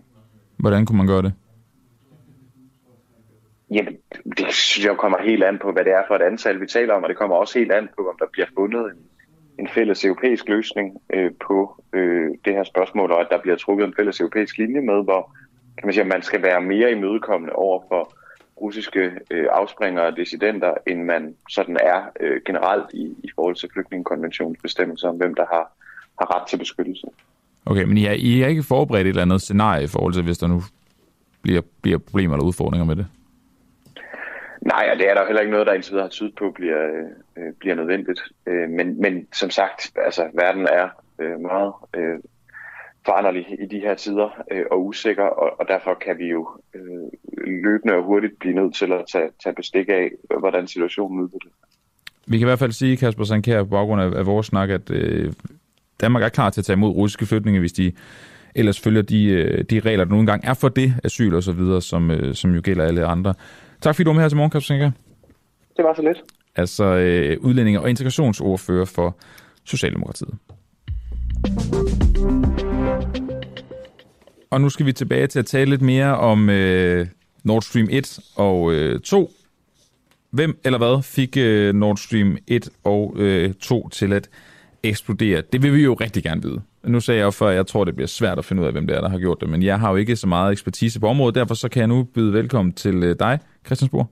Tak skal du have. Nu skal jeg lige tænde for det mikrofon, så der rent faktisk skal lyd på dig. Der var du, Christian. Velkommen til. Tak skal du have. Christian, øh, det er jo et interessant spørgsmål, det her med, hvem der gjorde det. Øh, du sidder som direktør og medstifter af sikkerhedsfirma, der hedder Eagle Shark. Så derfor så vil jeg godt øh, høre, hvem du tror, pilen peger på. Ja, men inden jeg ligesom røber det, så øh, kunne jeg godt tænke mig lige at, at fortælle, hvorfor jeg egentlig har den viden, som jeg har. Mm. Og øh, vi i Eagle Shark, vi sidder og monitorerer situationen 24-7, for at kunne øh, levere det til vores, vores øh, kunder, det her situationsbillede, men også forecast kommende risikoer. Og jeg mener egentlig, at der er en... Øh, en ret øget øh, hvad skal man sige, pres fra russisk side af her de sidste 3-4 uger. Og noget af det, vi ser ind i nu, blandt andet øh, øh, den eksplosion, gaseksplosion, der har været her, det er en af de tiltag, som, øh, som der er i forhold til måske at rykke over på mere hybrid krigsførsel.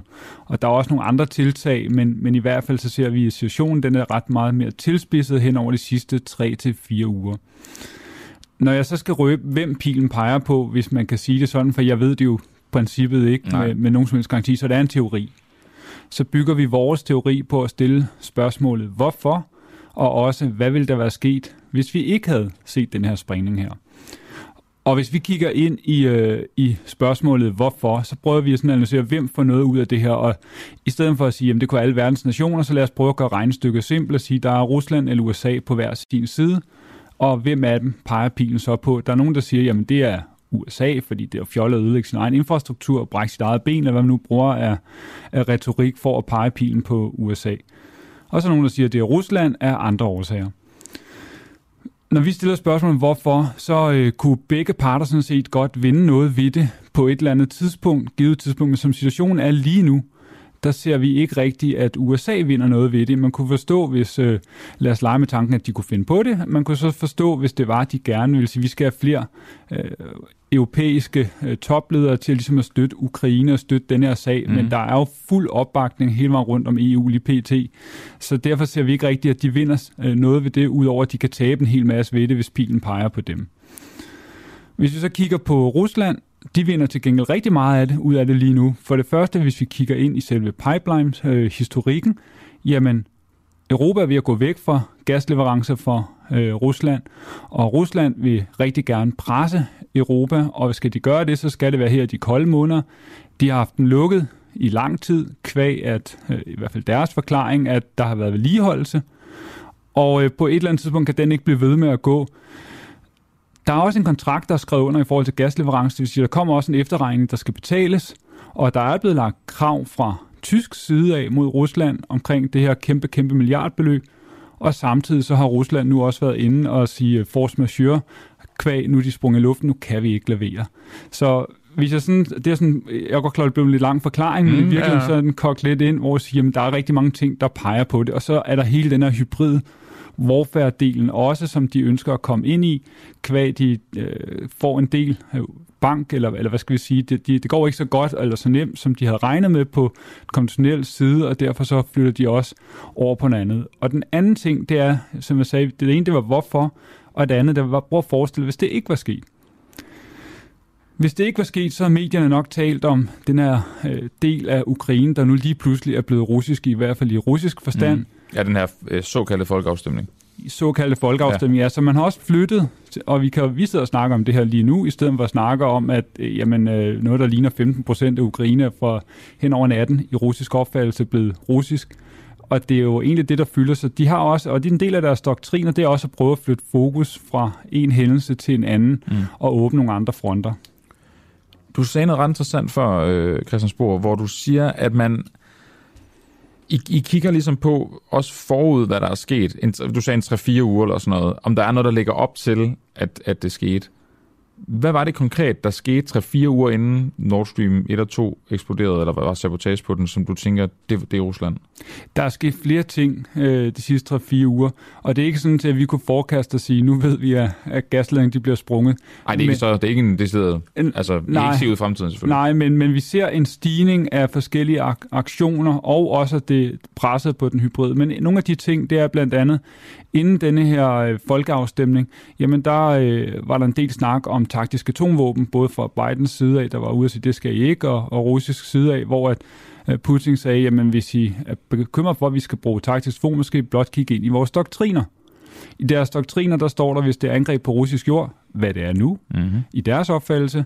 Det vil sige, og så derefter så lavede de en folkeafstemning, de langsomt skridt for skridt åbnede op for, at nu kan de bruge den del af, af våbenarsenalet også i forhold til deres egne doktriner.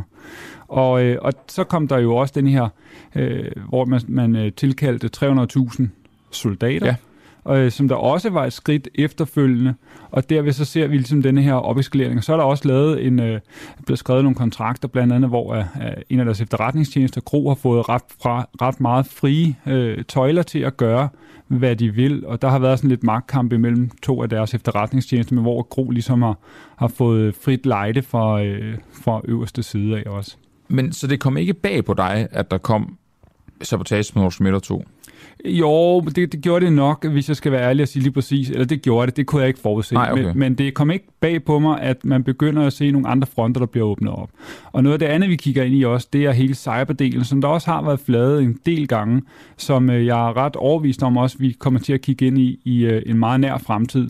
Øh, der har været, været angreb, der var noget Eurovision blandt andet, men der har også været andre ting, og Ukraine har, blev, blev, har også blevet angrebet, det blev lige fra starten af. Mm og inden der også, men der kunne jeg godt forestille mig, at det er noget af det domæne, som de også åbner, kommer til at åbne op for.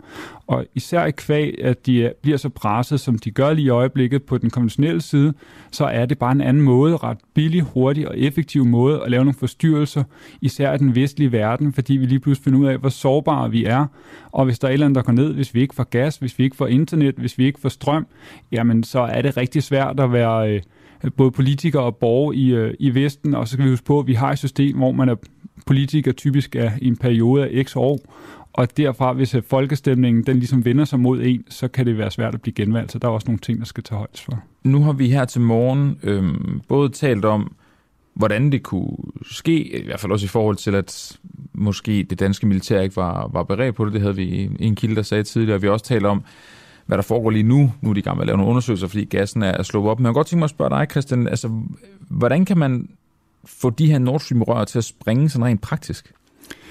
Jamen, det kan man ved at få nogle... Øh, hvis du har, jeg har en teori om, at jeg tror på, at der er et øh, civilt fartøj, der har, været, øh, der har været involveret før eller senere i det her, og har haft en øh, ROV, altså en undervandsdrone, og placeret noget, øh, noget sprængstof, og så øh, måske øh, fjerndetoneret eller, detoneret, eller øh, tidsindstillet, hvor den så springer. Og det kan man gøre ved at, øh, at lægge sprængninger ovenpå øh, på de her rørledninger, og stor nok mængde. De, er, de kan jo, nu er jeg ikke spe, specialist i, øh, i rørledninger, men Nej. jeg har læst mig frem til, at de, de skulle være ret holdbare og kan tåle en del sprængstof, som de også er testet mod, så det må have været en, en større bombe mm.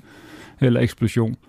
Og, øh, og når man så har, øh, har sprunget det, jamen, så går der jo selvfølgelig hul, og, øh, og så derfra så, så går det ud. Så det er i hvert fald en måde at, at gøre det på. Men du siger civilt fartøj, altså en civil båd. Jeg har så ved at forestille mig, en, hvordan sådan en ser ud, hvis den også skal lige kunne have en, en drone, eller hvad det nu er, uvands, øh, undervandsting, undervandsdrone på sig. Jamen, det, er, det skal egentlig bare være en vis størrelse. Det kunne være øh, en stor øh, fisketråler eller det, et Det kunne være en fisketråler? Ja, eller et stort miljøskib, som vi også har set, der ligger et russisk miljøskib lige i øjeblikket, øh, ikke så langt derfra, øh, som også har en kran. Så kan man til et container op, hvor man ligesom har øh, selve øh, den måde at, at betjene dronen på, og en kran til at hejse dronen op og ned. Man kan også, hvis man har et bassin øh, indvendigt, så kan det være svært for satellitbilleder andet at dokumentere, at der mm. er en drone, der øh, øh, sat ind og ud.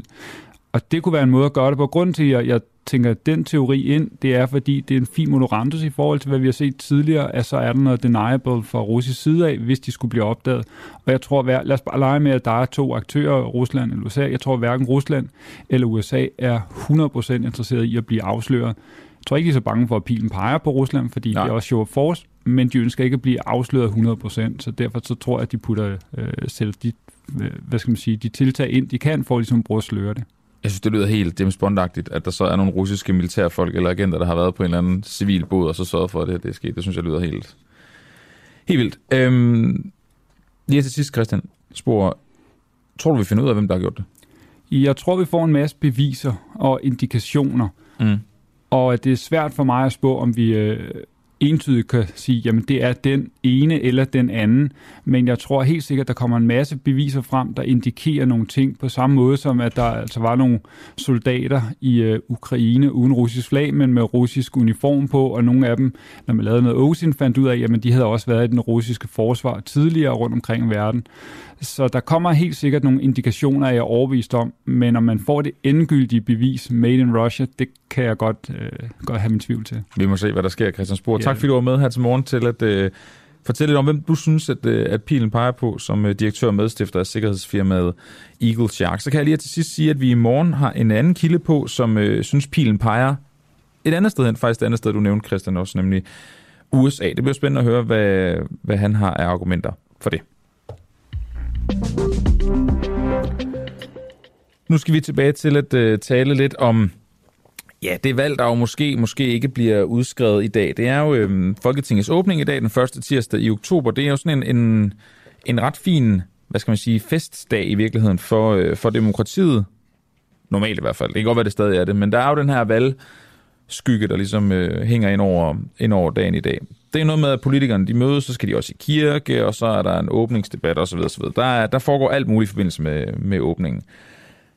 Men når der så er det, og vi i øvrigt her på Den Uafhængige har en masse spørgsmål, vi ikke kan få svar på fra politikerne, så sender vi jo selvfølgelig vores øh, politiske reporter, jeg tror faktisk også, øh, eller politiske redaktør, øh, Christian Henriksen, og jeg tror faktisk også, Klar Vind er der inde i dag, vores, øh, vores reporter, inde på, øh, på Christiansborg, for ligesom at finde ud af, om vi kan få nogle svar, mm, fra politikerne, nu er de der jo ligesom. Det kan være, at man kan fange dem på en, øh, en rød løber, eller mens de skal op ad en, af en trappe, eller et eller andet. Så, Øh, så vi har selvfølgelig sendt, øh, sendt de to derind, og lige om lidt, så skal vi ud til, øh, til Christian og høre, øh, hvordan det står til. Jeg ved, jeg er faktisk lidt i tvivl om, om dagens program. Det kan være, at Christian kan fortælle mig om det. Om de først begynder øh, klokken 9, eller om de, øh, om de allerede er startet her lidt tidligere på, på morgenstunden. Det er jo en, en ret lang dag, og også en officiel fejring af, af åbningen af, af Folketinget.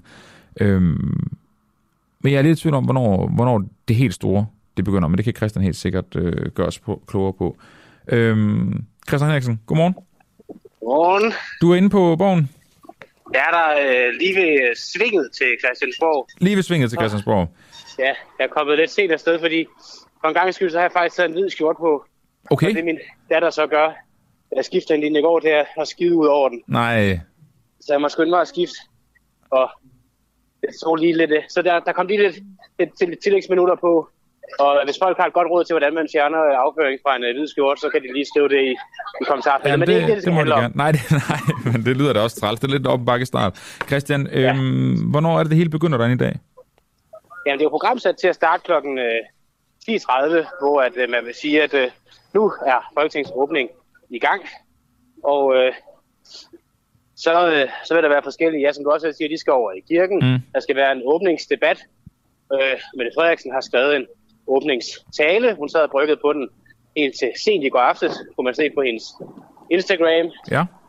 Og øh, så er spørgsmålet jo så, om der i en del af den åbningstale vil blive udskrevet et, et valg. Nu har Sofie Carsten Nielsen jo været ude og sige, at, at det behøver altså ikke være i dag, vi kan godt vente til i morgen med det valg.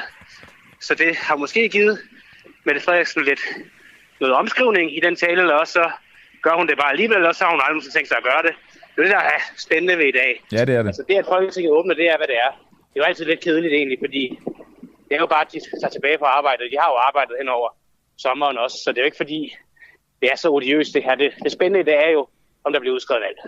Jamen, det er det. Og du har helt ret. Det er jo lidt en, en speciel dag, det der med, at man siger, at, at de vender tilbage fra ferie. Det har de jo været længe. Altså, det har jo ikke noget, Ja, med, ja. det har ikke noget med noget at gøre.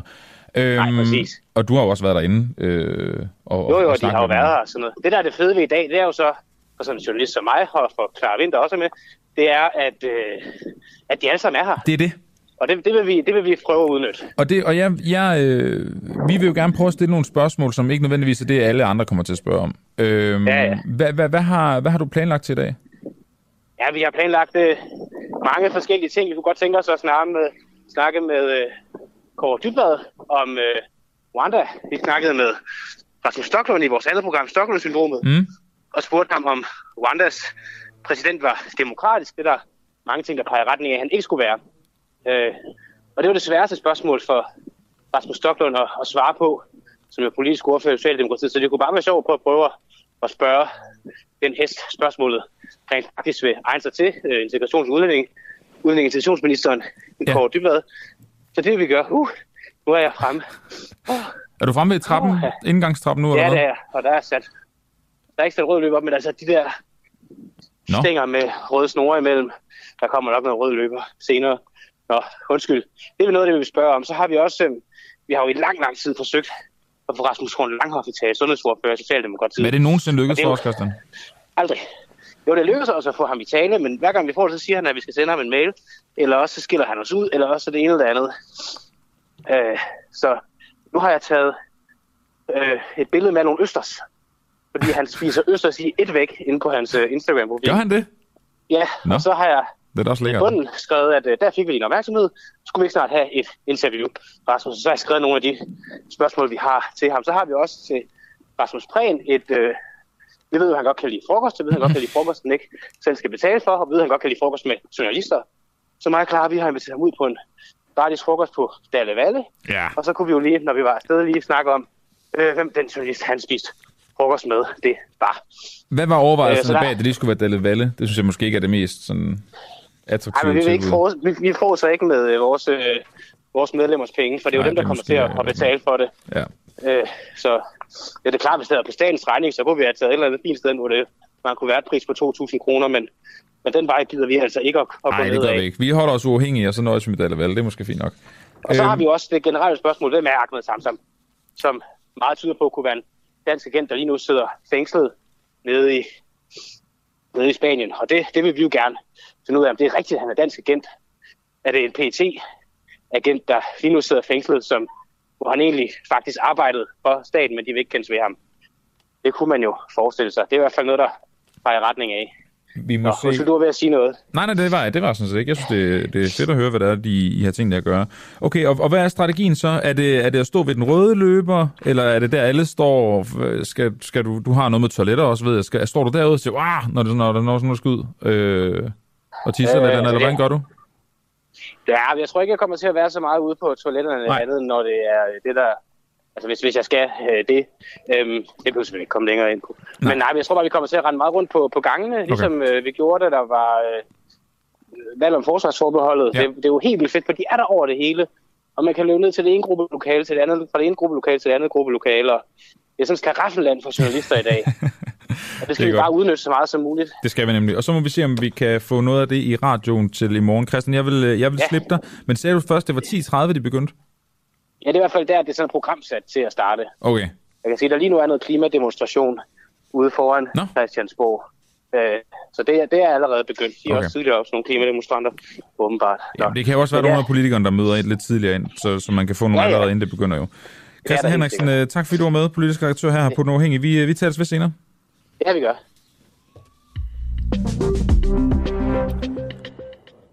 Det bliver spændende at se, hvad, øh, hvad Christian og Clara kommer hjem med derfra. Må ikke, øh, må ikke det er noget godt. Det plejer det at være, når de to de, øh, de først sætter sig for noget. Nu, øh, nu skal vi videre til en... Øh, ej, jeg skal ikke grine, men alligevel, det kommer jeg lidt til, fordi vi er en energikrise. Det er der rigtig mange af os, der mærker på alle mulige forskellige måder. Der er også inflation. Alt er dyrt. Om det så er fra opvarme hjemmet, eller til at man gerne vil have nogle øh, scramble eggs en eller anden søndag morgen derhjemme. En af måderne, man så gerne vil spare på energien, det er, at man har sagt, at alle offentlige bygninger fra 1. oktober skulle skrue temperaturen ned på 19 grader. Og jeg må bare indrømme, da jeg hørte det, så tænkte jeg, smart, fordi øh, så sparer vi nogle, øh, noget energi og penge på det. Og jeg tænkte også umiddelbart derefter, det kan ikke betyde så meget, at vi går fra en 21-22 grader til 19 grader. Men så har vi læst lidt op på det, og, og, og det kan rent faktisk få, få konsekvenser på åbenbart alt fra indlæring hos øh, børn til vores produktivitet. Og det, det bliver vi simpelthen nødt til at på en eller anden måde at blive lidt klogere på, for at finde ud af, hvordan kan det helt præcist være, og hvordan udmynder det sig så, at man bliver, får en dårligere produktivitet, fordi at, øh, det er 19 grader. Jeg læste et, øh, en kalifornisk undersøgelse, der så viste, at produktiviteten den begynder allerede at falde, så snart temperaturen kommer ned under 21 grader.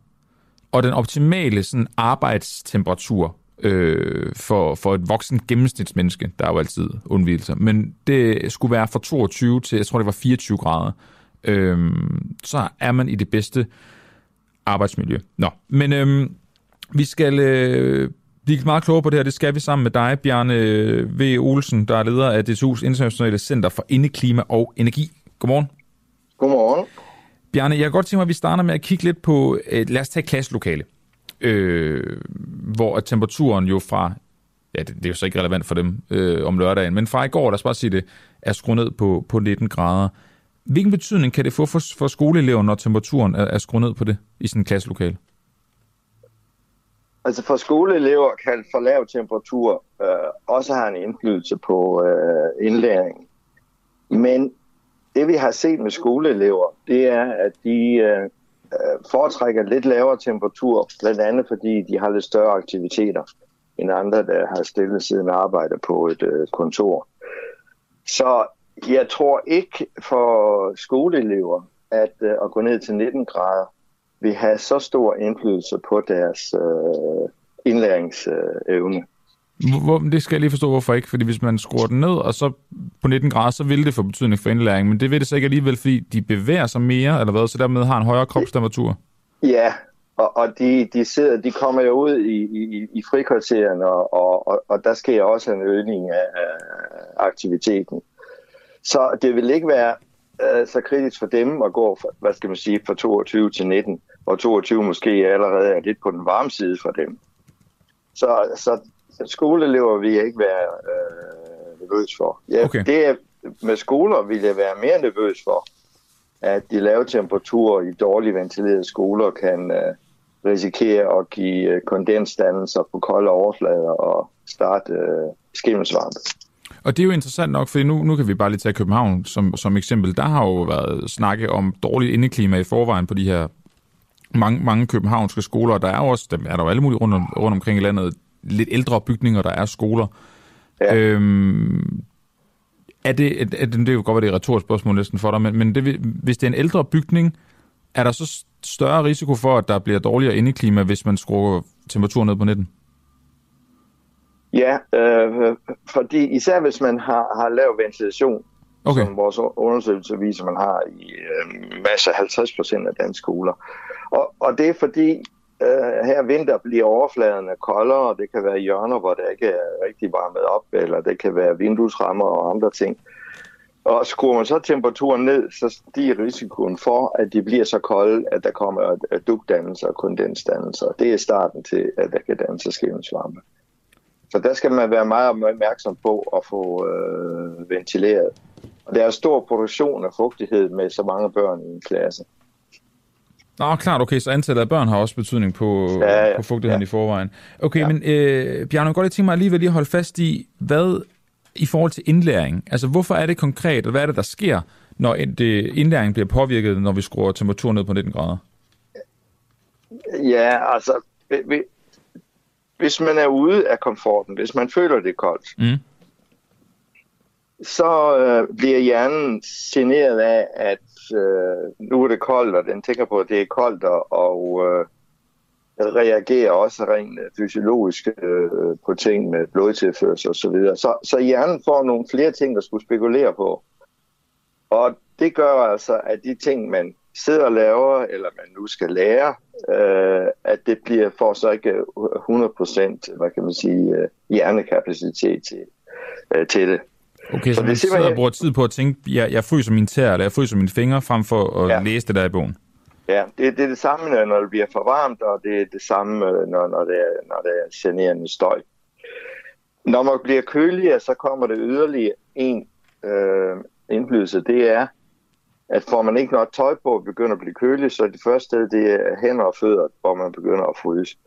Og hvis hænderne får lavere temperatur, så bliver de også mere stive, og arbejder man meget med tastatur og skal skrive, ja, så kommer man til at arbejde langsommere og laver flere slå fejl. Ja, for det er det, jeg skulle til at spørge dig om nu, det er, fordi det er jo også kommunalt ansatte i, i offentlige bygninger, for eksempel. Deres produktivitet vil blive ramt, som du siger ja. der. Øhm, ja. og, og det er simpelthen fordi, at det vil tage længere tid for dem at skrive mailen, fordi deres fingre vil blive koldere? Ja, og, og, og, der vil være det samme også med det, vi kalder cognitive performance, med at bruge, bruge hjernen. Den vil også være generet af, at man synes, det er koldt. Og, og, og der vil scenerne og effekten øh, nok være, være større end øh, indlæring i skoler. Og det er vel den, fordi de sidder stille på et kontor og sidder ja. og og klapper ja. løs på tastaturet. Ja. Okay, så det vil sige, udover, altså okay, så der, men der, der er både en fysisk, hvad skal man sige, udfordring ved det her med, at, at temperaturen bliver skruet ned på 19 grader, og så er der den her sådan indlæringsmæssige, altså koncentrationsproblemer, ikke? Jo. Jeg, det er ja, hvad siger du? Det er, det, det er jo alt under forudsætning, at man har det koldt. Ja. Hvis man begynder at, at, at kompensere og tage den rigtige beklædning på, så får man ikke effekten. Ja, for det, jeg skulle til at spørge dig om, det er, ja. så kan man, for det er jo, altså jeg, nu sagde jeg i starten, Bjørn, det her med, jeg synes, det lyder vildt, at det er jo en, at altså stuetemperatur på en 21-22 grader, det er en ændring på 2-3 grader, hvor meget kan det lige gøre? Altså, mm. øhm, men det kan jeg så høre på dig, det kan det jo så gøre en del. Men, men betyder det så også, at man netop bare kan altså, tage noget mere tøj på, og så er det fint? Ja, det, det betyder det. Altså det vil, skal, ja, hvad siger du? Det er, at du skal have, virkelig noget kraftigere tøj på. Øh, ikke bare en, en, en, en kraftigere skjorte. Øh, du skal have en kraftigere sweater på. Mm. Og så måske ovenikøbet en, øh, en vest, der isolerer noget. Og det bedste er jo at fordele lidt den ekstra beklædning. For eksempel med lange øh, underbukser og sådan noget. Øh, og det er netop fordi, man er stillesiden, at der skal en del beklædning til. Ja, og det, okay. vigtige, det vigtige er, fordi vi er meget individuelle hvad temperatur vi ønsker, og hvad temperatur vi har komfort. At når man går på arbejde, at man har en beklædningsdel, man kan tage af på, så man let kan ændre sin, sin komfort. Klart. Der er selvfølgelig, der er, nu sidder og tænker du, øh, om man ikke kunne tage nogle vandre på, men det kan man selvfølgelig ikke, så kan man jo slet ikke skrive mailen til at starte med, så det er jo, Nej, det er jo, ikke, altså, det er jo ikke en løsning.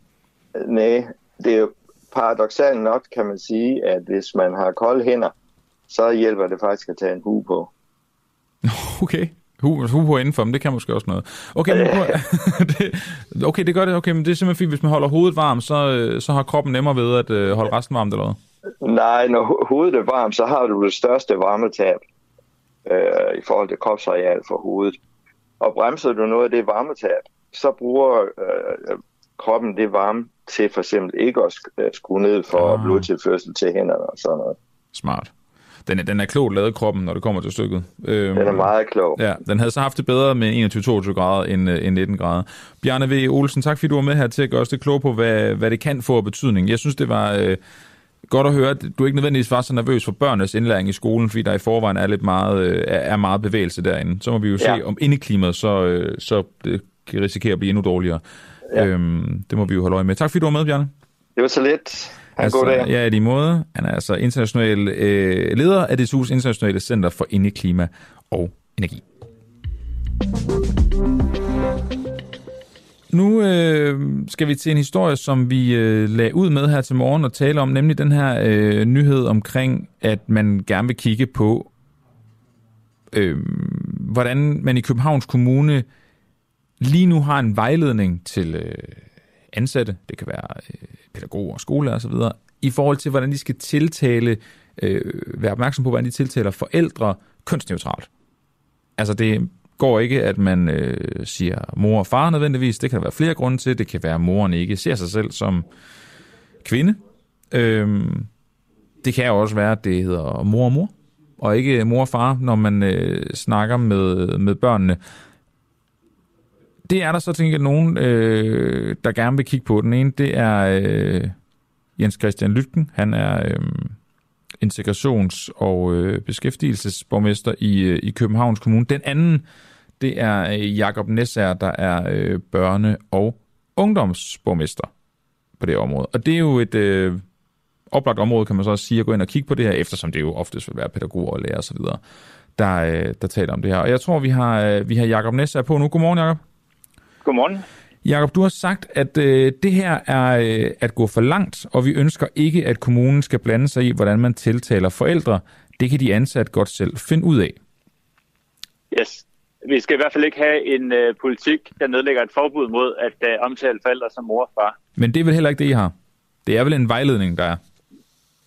Øh, ja, altså det er jo lidt tvivlsomt, hvilken status øh, den har. Fordi øh, vi er jo øh, blevet spurgt til en LBGT-politik, og øh, den er så udsprunget i en sprogpolitik, som øh, meget bekendt ikke har været til politisk behandling. Og det er det, øh, vi er utilfredse med. Vi skal ikke øh, have rullet noget ud over øh, daginstitutionerne og skolerne, hvor man øh, via sin tale er med til at nedbryde øh, familierne og den øh, kernefunktion, som øh, familierne har i samfundet. Jamen, du har de er de primære ja. omsorgspersoner. Øh, det er dem, der har ansvaret for børnene. Det er dem, der har ansvaret for børnenes trivsel. Øh, børnene er forældrenes og ikke samfundets, og derfor er det forældrene, der skal bestemme, hvordan de skal benævnes. Og øh, det, det, du henviser til, det er jo ret nok, at der var den her, øh, der kom den her sprogpolitik, jeg tror det var tilbage i 2019, øh, som netop tog stilling til øh, brug af ord som mand og kone, og mor og far. Men det er jo så en vejledning, det der står derinde i, som jo påpeger, at øh, ansatte, kan være pædagoger, lærer osv., skal være opmærksom på, hvordan de tiltaler øh, både, vel, egentlig både børnene, men også børnenes forældre, ikke? Jo, men øh, øh jeg synes slet ikke, der er behov for nogen vejledning. Øh, jeg synes, at det er noget, man finder ud af på den enkelte institution. Når man har et velkomstmøde med det enkelte forældrepar, øh, så taler man med dem og viser dem rundt og taler om, øh, hvad omtales barnet, har barnet øh, kælenavn eller andet, man skal være særlig opmærksom på, kosthensyn. Og øh, så øh, kunne man jo passende spørge, øh, hvad kalder I jer derhjemme? Er det øh, mor og far, eller mor og mor, eller mor og medmor, eller hvad det nu måtte være for en konstellation? Det har vi overhovedet ikke behov for nogen sprogpolitik for. Jeg kan da godt forstå, at Mette Frederiksen går ud og siger, at der er behov for at skære 2,5 milliard øh, offentlige ansatte, når der sidder nogen og begynder at lave en sprogpolitik, hvordan vi skal tiltale hinanden. Men det har vi overhovedet ikke behov for. Men er det ikke netop derfor, det bare er en vejledning? At det så, er, så kan man netop gøre det, du siger, så kan man øh, se der, når jamen, der er en vejledning til, at jeg kan gøre det, men jeg behøver ikke at gøre det. Jamen, jeg har ikke behov for, at øh, mine mange tusind pædagoger i de københavnske daginstitutioner skal sidde og læse alle mulige underlige vejledninger. Jeg har behov for, at de pædagoger, der er i daginstitutionerne, de taler med forældrene og kigger på barnet, og så øh, har en snak med den enkelte familie. Hvordan er det, det fungerer hos jer? Hvordan er det, øh, I gerne vil øh, benævnes? Og så har vi ikke behov for, at pædagogerne de skal sidde og bruge en hel masse tid på at læse en hel masse vejledninger om alt muligt totalt overflødigt. Men du skal vel håbe på, at Mette Frederiksen ikke sådan lige fra i morgen af begynder at skære byråkratiet, for du skal jo bruge noget af dem til at så få ændret den vejledning, der er skrevet nu, så at den ikke står der længere, eller den skal omformuleres eller et eller andet. Den skal ophæves, og derfor har vi fremsat et forslag til behandling i borgerrepræsentationens øh, næste møde øh, næste uge, hvor vi gerne vil have den her sprogpolitik ophævet. Og du har så Jens Christian Lytken med på, med på den vogn. Men jeg vil bare lige høre, når det er en, en vejledning, er det så mm. ikke øh, spild af energi at bruge tid på at fjerne den? Altså bliver det ikke sådan lidt symbolpolitisk, at du så går ind og siger, at den vejledning skal folk ikke have? Fordi de kan godt Nej, jeg, har da, jeg har da en forventning om, at uh, når man laver en vejledning, så er det fordi, den er nødvendig og den er vigtig. Og uh, vi skal jo ikke have vejledninger, som vores pædagoger de skal sidde og læse, uh, hvis det er, overhovedet ikke er nødvendigt. Vores pædagoger de skal bruge tid på børnene, og uh, om nødvendigt også på uh, forældrene. Og så skal vi jo ikke have stakkevis af vejledninger, fordi vi er nødt til at have en forventning om, at hvis der er en vejledning, der er nødvendig, så øh, læser medarbejderne også. Og hvis den ikke er nødvendig, så skal vi slet ikke have den. Har du undersøgt, ja. hvad, hvad, hvad pædagogerne og, og lærerne osv. Siger, siger til vejledningen? Jeg har ikke øh, været ude og spørge øh, pædagogerne, men jeg har en forventning om, at når vi laver en vejledning, så øh, læser øh, lederne på de enkelte institutioner øh, vejledninger og sørger for at orientere dem. Fordi det, det giver jo ingen mening, at vi på Rådhuset sidder og udstikker den ene øh, politik eller vejledning efter den anden, hvis ikke det har nogen virkning ude i byen. Så derfor er der jo en forventning om, at lederne orienterer sig, øh, hvad der gælder af forskellige vejledninger og retter ind. Øh, ellers er det jo øh, ledelsesløst øh, kommunen. Men, men du har ikke undersøgt, om Nej. det har en virkning jo? Altså det kan jo være, der sidder en masse ja. pædagoger derude, som synes, det er rart, der er en vejledning, så de ved, hvordan de skal gå til børn og forældre Vejle... i sådan nogle situationer, hvor der for eksempel er to mødre eller et eller andet.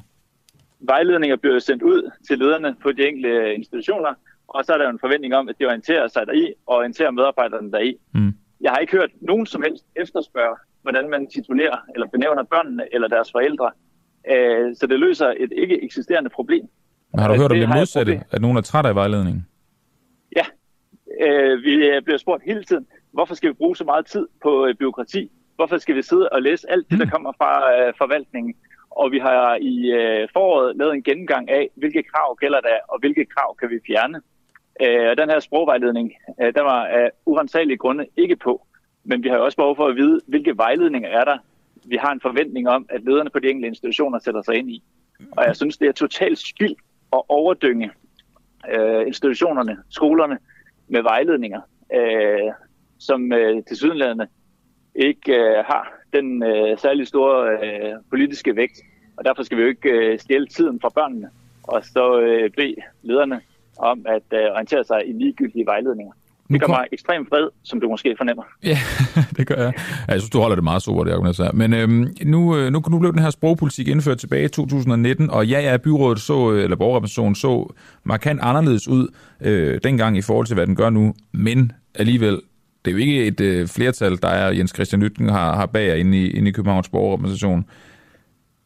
Altså, der er, det er mega stor diskussion på, Tror det håber jeg. Der er ja, det håber du, men tror du, det kan lade sig gøre? Øh, hvis jeg lige får lov at tale ud. I KL og i regeringen er der jo rigtig store øh, drøftelser om, at kommunerne de skal frisættes. Man skal selv have lov at bestemme, og man skal afbiokratisere. Så derfor, hvis det her overhovedet har nogen mening, når øh, regeringspartierne eller regeringspartiet taler om, at øh, de vil afbiokratisere og sætte kommunerne fri, der er jo en forventning om, at jo i hvert fald også Socialdemokratiet bakker op. Og øh, de øh, blå partier har jeg hørt, at de er også med på afbiokratisering. Så vi burde jo have et flertal. Men er der andre vejledninger, der så skal fjernes? Fordi den her ene vejledning gør måske ikke nødvendigt, altså den sparer måske ikke så meget tid derude i, i sidste ende, jo, når det er bare én vejledning. Yes, vi skal jo gennemgå alle vores uh, vejledninger og så finde ud af, hvorfor nogen er væsentlige. Fordi uh, det kan jo ikke hjælpe, at vi stiller tid fra børnene, og så beder uh, pædagogerne og de pædagogiske ledere om at bruge en masse tid på at læse en masse overflødige vejledninger. Men er så der... ligesom uh, krav og uh, uh, lovgivning er blevet gennemgået, er der noget af det, der kan afskaffes, er vi jo nødt til også at kigge på vejledningerne. Men er der andre vejledninger i det her forslag, I har rejst øh, i borgerpersoner om at få det fjernet, der skal fjernes i den omgang her? Vi vil gerne bede om en kortlægning af vejledningerne, øh, så vi ved, øh, hvor mange vejledninger der er. Altså, øh, jeg var ikke klar over, at der var en sprogvejledning, hvor man skulle øh, øh, finde ud af, hvordan man skulle benævne øh, forældre, og hvad man helst skulle undgå.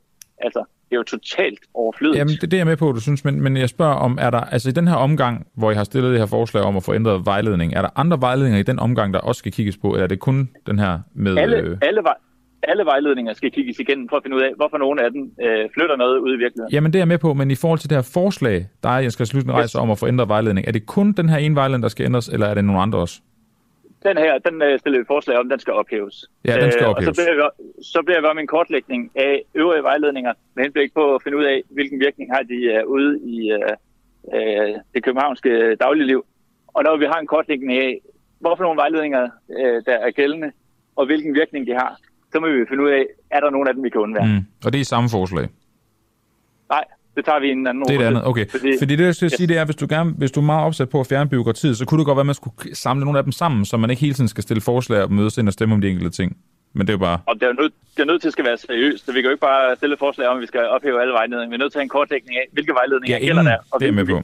Ja, og hvilken virkning har det. Klart. Øh, men, men den her øh, vej- sprogvejledning, den har jeg behov for, at den bliver fjernet hurtigst muligt. For den giver ikke noget værdi ude i øh, daginstitutioner. Jakob Næs er konservativ integrations- og, uh, undskyld, og børne- og ungdomsborgmester. Børne- og Ja, undskyld, nu blander jeg, jeg tog sammen dig, Jens Christian Nytten. Det er du ikke. Du er børne- og ungdomsborgmester i Københavns uh, Kommune. Tak fordi du var med, Jakob Næs. Velkommen. Og en god dag. Lige måde. Hej. Nu skal vi, øh, vi har lige øh, 10 minutters øh, tid tilbage her af, af programmet. Jeg har øh, politisk redaktør øh, Esben Schøring med fra, fra Altinget lige om lidt til at tale om, øh, hvornår det er valg, det bliver udskrevet. Jeg øh, vil gerne lige se, jeg tror, der var nogen af jer, der har skrevet et spørgsmål ind til mig, nemlig det her, er der en, der har gjort inde på vores redaktionslokale på Den Uafhængige, som jo man, man kan blive en del af, hvis man er medlem af radioen, som du så jo kan blive ved at sende en sms til øh, 1245 med beskeden UA. Så får du et link til at, øh, at blive medlem. Du kan også gå ind på vores hjemmeside duah.dk, så øh, er der et nemt link til at blive medlem. Så kan man blive en del af redaktionslokalet på Facebook, hvor der er, øh, er nogen, der har stillet, øh, spurgt mig om noget. Der er en, der her, der skriver, jeg vil meget gerne høre jeres tanker om, hvad det vil sige at være uafhængig medie i dagens medielandskab. På hvilken måde er medierne øh, generelt set afhængige, og hvordan adskiller du sig fra det? Det er ikke kun et spørgsmål om, hvor øh, pengene kommer fra, altså øh, at man er materielt set er fri, eller handler det også om, at man har en vis bevægelsesfrihed i forhold til dominerende tankemønstre i dagens Danmark? Det er jo det er et ret godt spørgsmål. For mig så handler uafhængigheden om, at der skal ikke øh, være den risiko, der jo var med tilbage med Radio 24-7, at, at øh, der ligesom er nogen, der bestemmer og kan skrue op og ned på de penge, vi har. Vi skal have nogle penge, hvor det er vores produkt, og det er vores det vi gør, det vi siger, det vi gerne vil, der afgør pengene og hvor de kommer fra. Så det er ret vigtigt for mig, at der ligesom ikke er nogen udefra, der kan, der kan tage nogle beslutninger, der kontrollerer det. Det giver jo så også en frihed i forhold til, at vi netop kan tale om præcis det, vi har lyst til. Der er jo ikke nogen, der bestemmer over os. Der er ikke nogen, der er ikke nogen krav, vi skal leve op til. Der er ikke nogen public service redegørelser, vi skal leve op til. Der er ikke nogen, der skal høres, nogen, der ikke skal høres. Vi har selvfølgelig sådan nogle journalistiske grundprincipper om, at vi skal høre begge sider, og vi skal sørge for at have, have styr på vores research osv., men der er ikke nogen, der bestemmer over os. Vi kan gøre, hvad det er, vi vil. Vi kan lave journalistik præcis på den måde, vi har lyst til. Og det er jo også noget af det, vi, øh, vi kigger ind i at gøre her, når der kommer valg lige om lidt. Og øh, det er jo så spændende om, hvornår det kommer. Esben Søring, godmorgen. Ja, godmorgen. Esben, øh, jeg ved, du ikke, du tror ikke, det bliver i dag. Nej, Nej. det tror jeg ikke. Og øh, er det fordi, at øh, du har læst på Vandrøren, han har sagt, at øh, Sofie Carsten Nielsens trussel, den, den kan godt lige blive trukket til i morgen, eller hvad bygger du det på? Øh, jamen, ja, hun har ikke nogen trussel i dag. Altså, fordi hun kan jo først sætte det mistillidsvotum i salen på torsdag. Ja. Så hvad det hedder, den der nyhed om, at øh, hun har givet det en dag ekstra, det er ligesom... Øh, altså, hvad kan man sige? Hun har, hun har først muligheden på torsdag. Og det er fordi, jamen, For, og, man kan jo ikke lige forklare, det er jo ret interessant, fordi hun kan godt sige, at hun øh, vælter Mette Frederiksen i dag jo. Det kan bare først effektueres på torsdag. Ja, yes. Det er fordi, at øh, i dag der er der kun øh, per grundloven øh, åbningstalen fra Mette Frederiksen. Og så går der en dag, og så er der åbningsdebat på torsdag. Og det er først der, de andre partiledere har med muligheden for at agere, fordi det er ligesom, så er Folketinget Mm. åbnet. Det vil sige, nu kan man begynde at handle som parlament, ikke? Ja. Går mm. de efter størrelse, når der er åbningsdebat på torsdag? Eller hvordan er det, hvordan er det foregår? Ja, sådan er det. Sådan er det, man, man går, går ned igennem øh, listen på okay. den måde. Ja.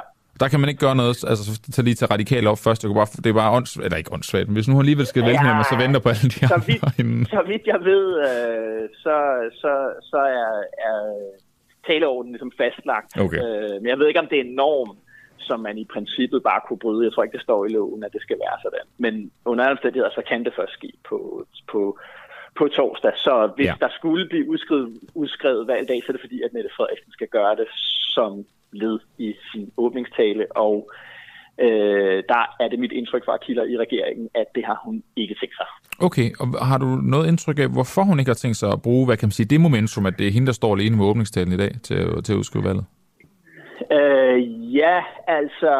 Øh, man har bakket udtryk for, at man gerne vil have åbningstalen med inden for indeværende regeringsperiode. Jeg tror, at hun gerne vil bruge det her. Nu er vores opmærksomhed jo rettet øh, øh, imod hende. Øh, hvad det hedder, fordi vi sidder der og tænker, udskriver hun alligevel valget, mm. eller hvad mm. sker der, ikke? Men hun har jo en, en, en ekstraordinær mulighed for nu helt alene og uimodsagt at indramme den valgkamp, vi skal, vi skal i gang med.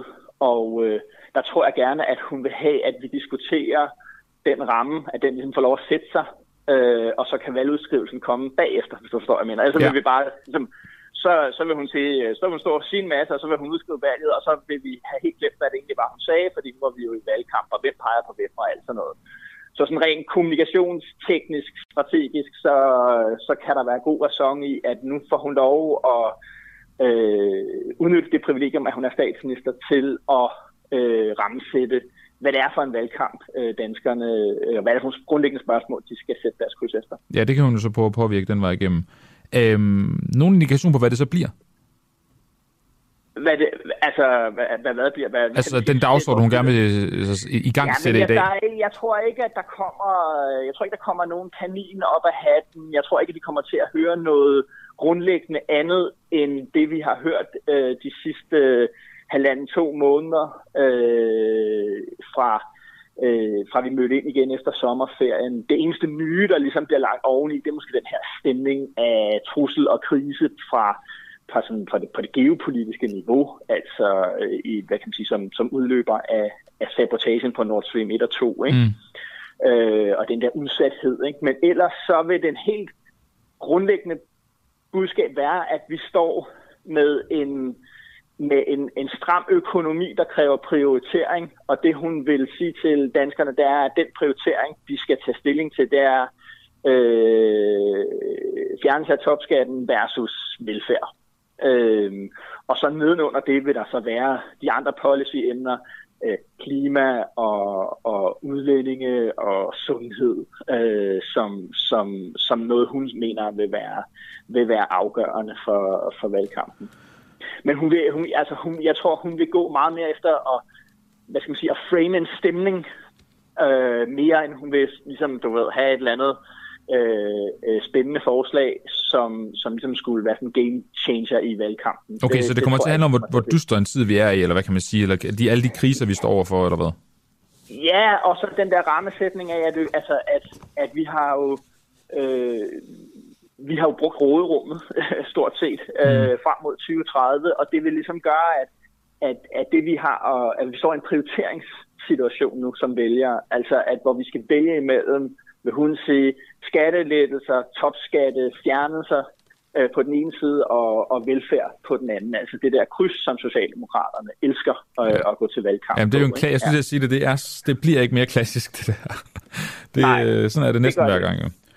Øhm... Ja, ja, men man kan sige, det der er forskellen her, det er, at, at hvor de borgerlige i nullerne især var, var slappet ud af det der kryds ved at være effektiv på den værdipolitiske dagsorden, så har de selv inviteret til den her diskussion gennem en samfulde tre år siden Mette Frederiksen blev, blev, blev statsminister, har de gerne ville diskutere økonomi og mm. fordelingspolitik med hende, og øh, Søren Pape Poulsen lancerede jo sit statsministerkandidatur på på en platform af den her 2030-plan for de konservative, som, som indeholdt, at topskatten skulle ud, øh, udfases og sådan nogle ting. Ikke?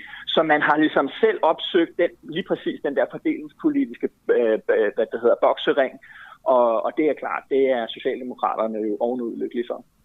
Ja, det er jo så interessant, at det kommer til at bide øh, oppositionen øh, et vist sted, hvis, øh, hvis det ender der. Men nu ja, må vi se. historisk set vil man jo sige, at, at det er, altså, at, at hvis, hvis der er et kryds mellem skattelettelser eller, og, og, og velfærd, ja, så vinder Socialdemokratiet. Men der, der kan man sige, det der måske åbner for de borgerlige her, det er, at vi ser vælgerkorps i enormt opbrud. Øh, meningsmålingerne peger i vidt forskellige retninger.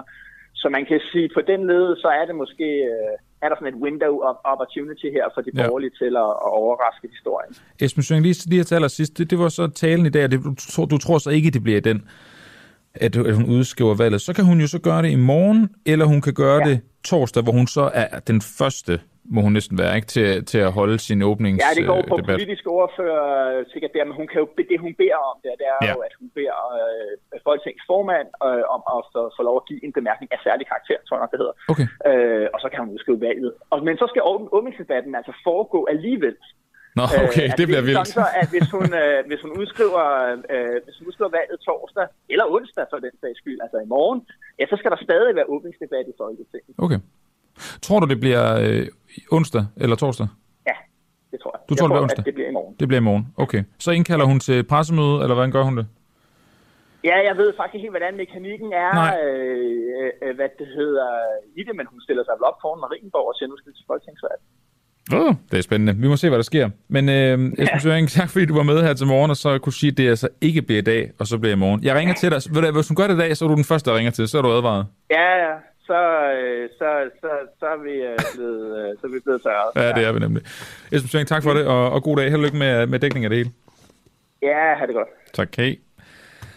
Og med det, ikke mere øh, uafhængig morgen fra øh, min side af. Det har været en fornøjelse at øh, sende for jer. Den første, sådan øh, efter jeg jo begyndte som, øh, som chefredaktør på kanalen i, øh, i går.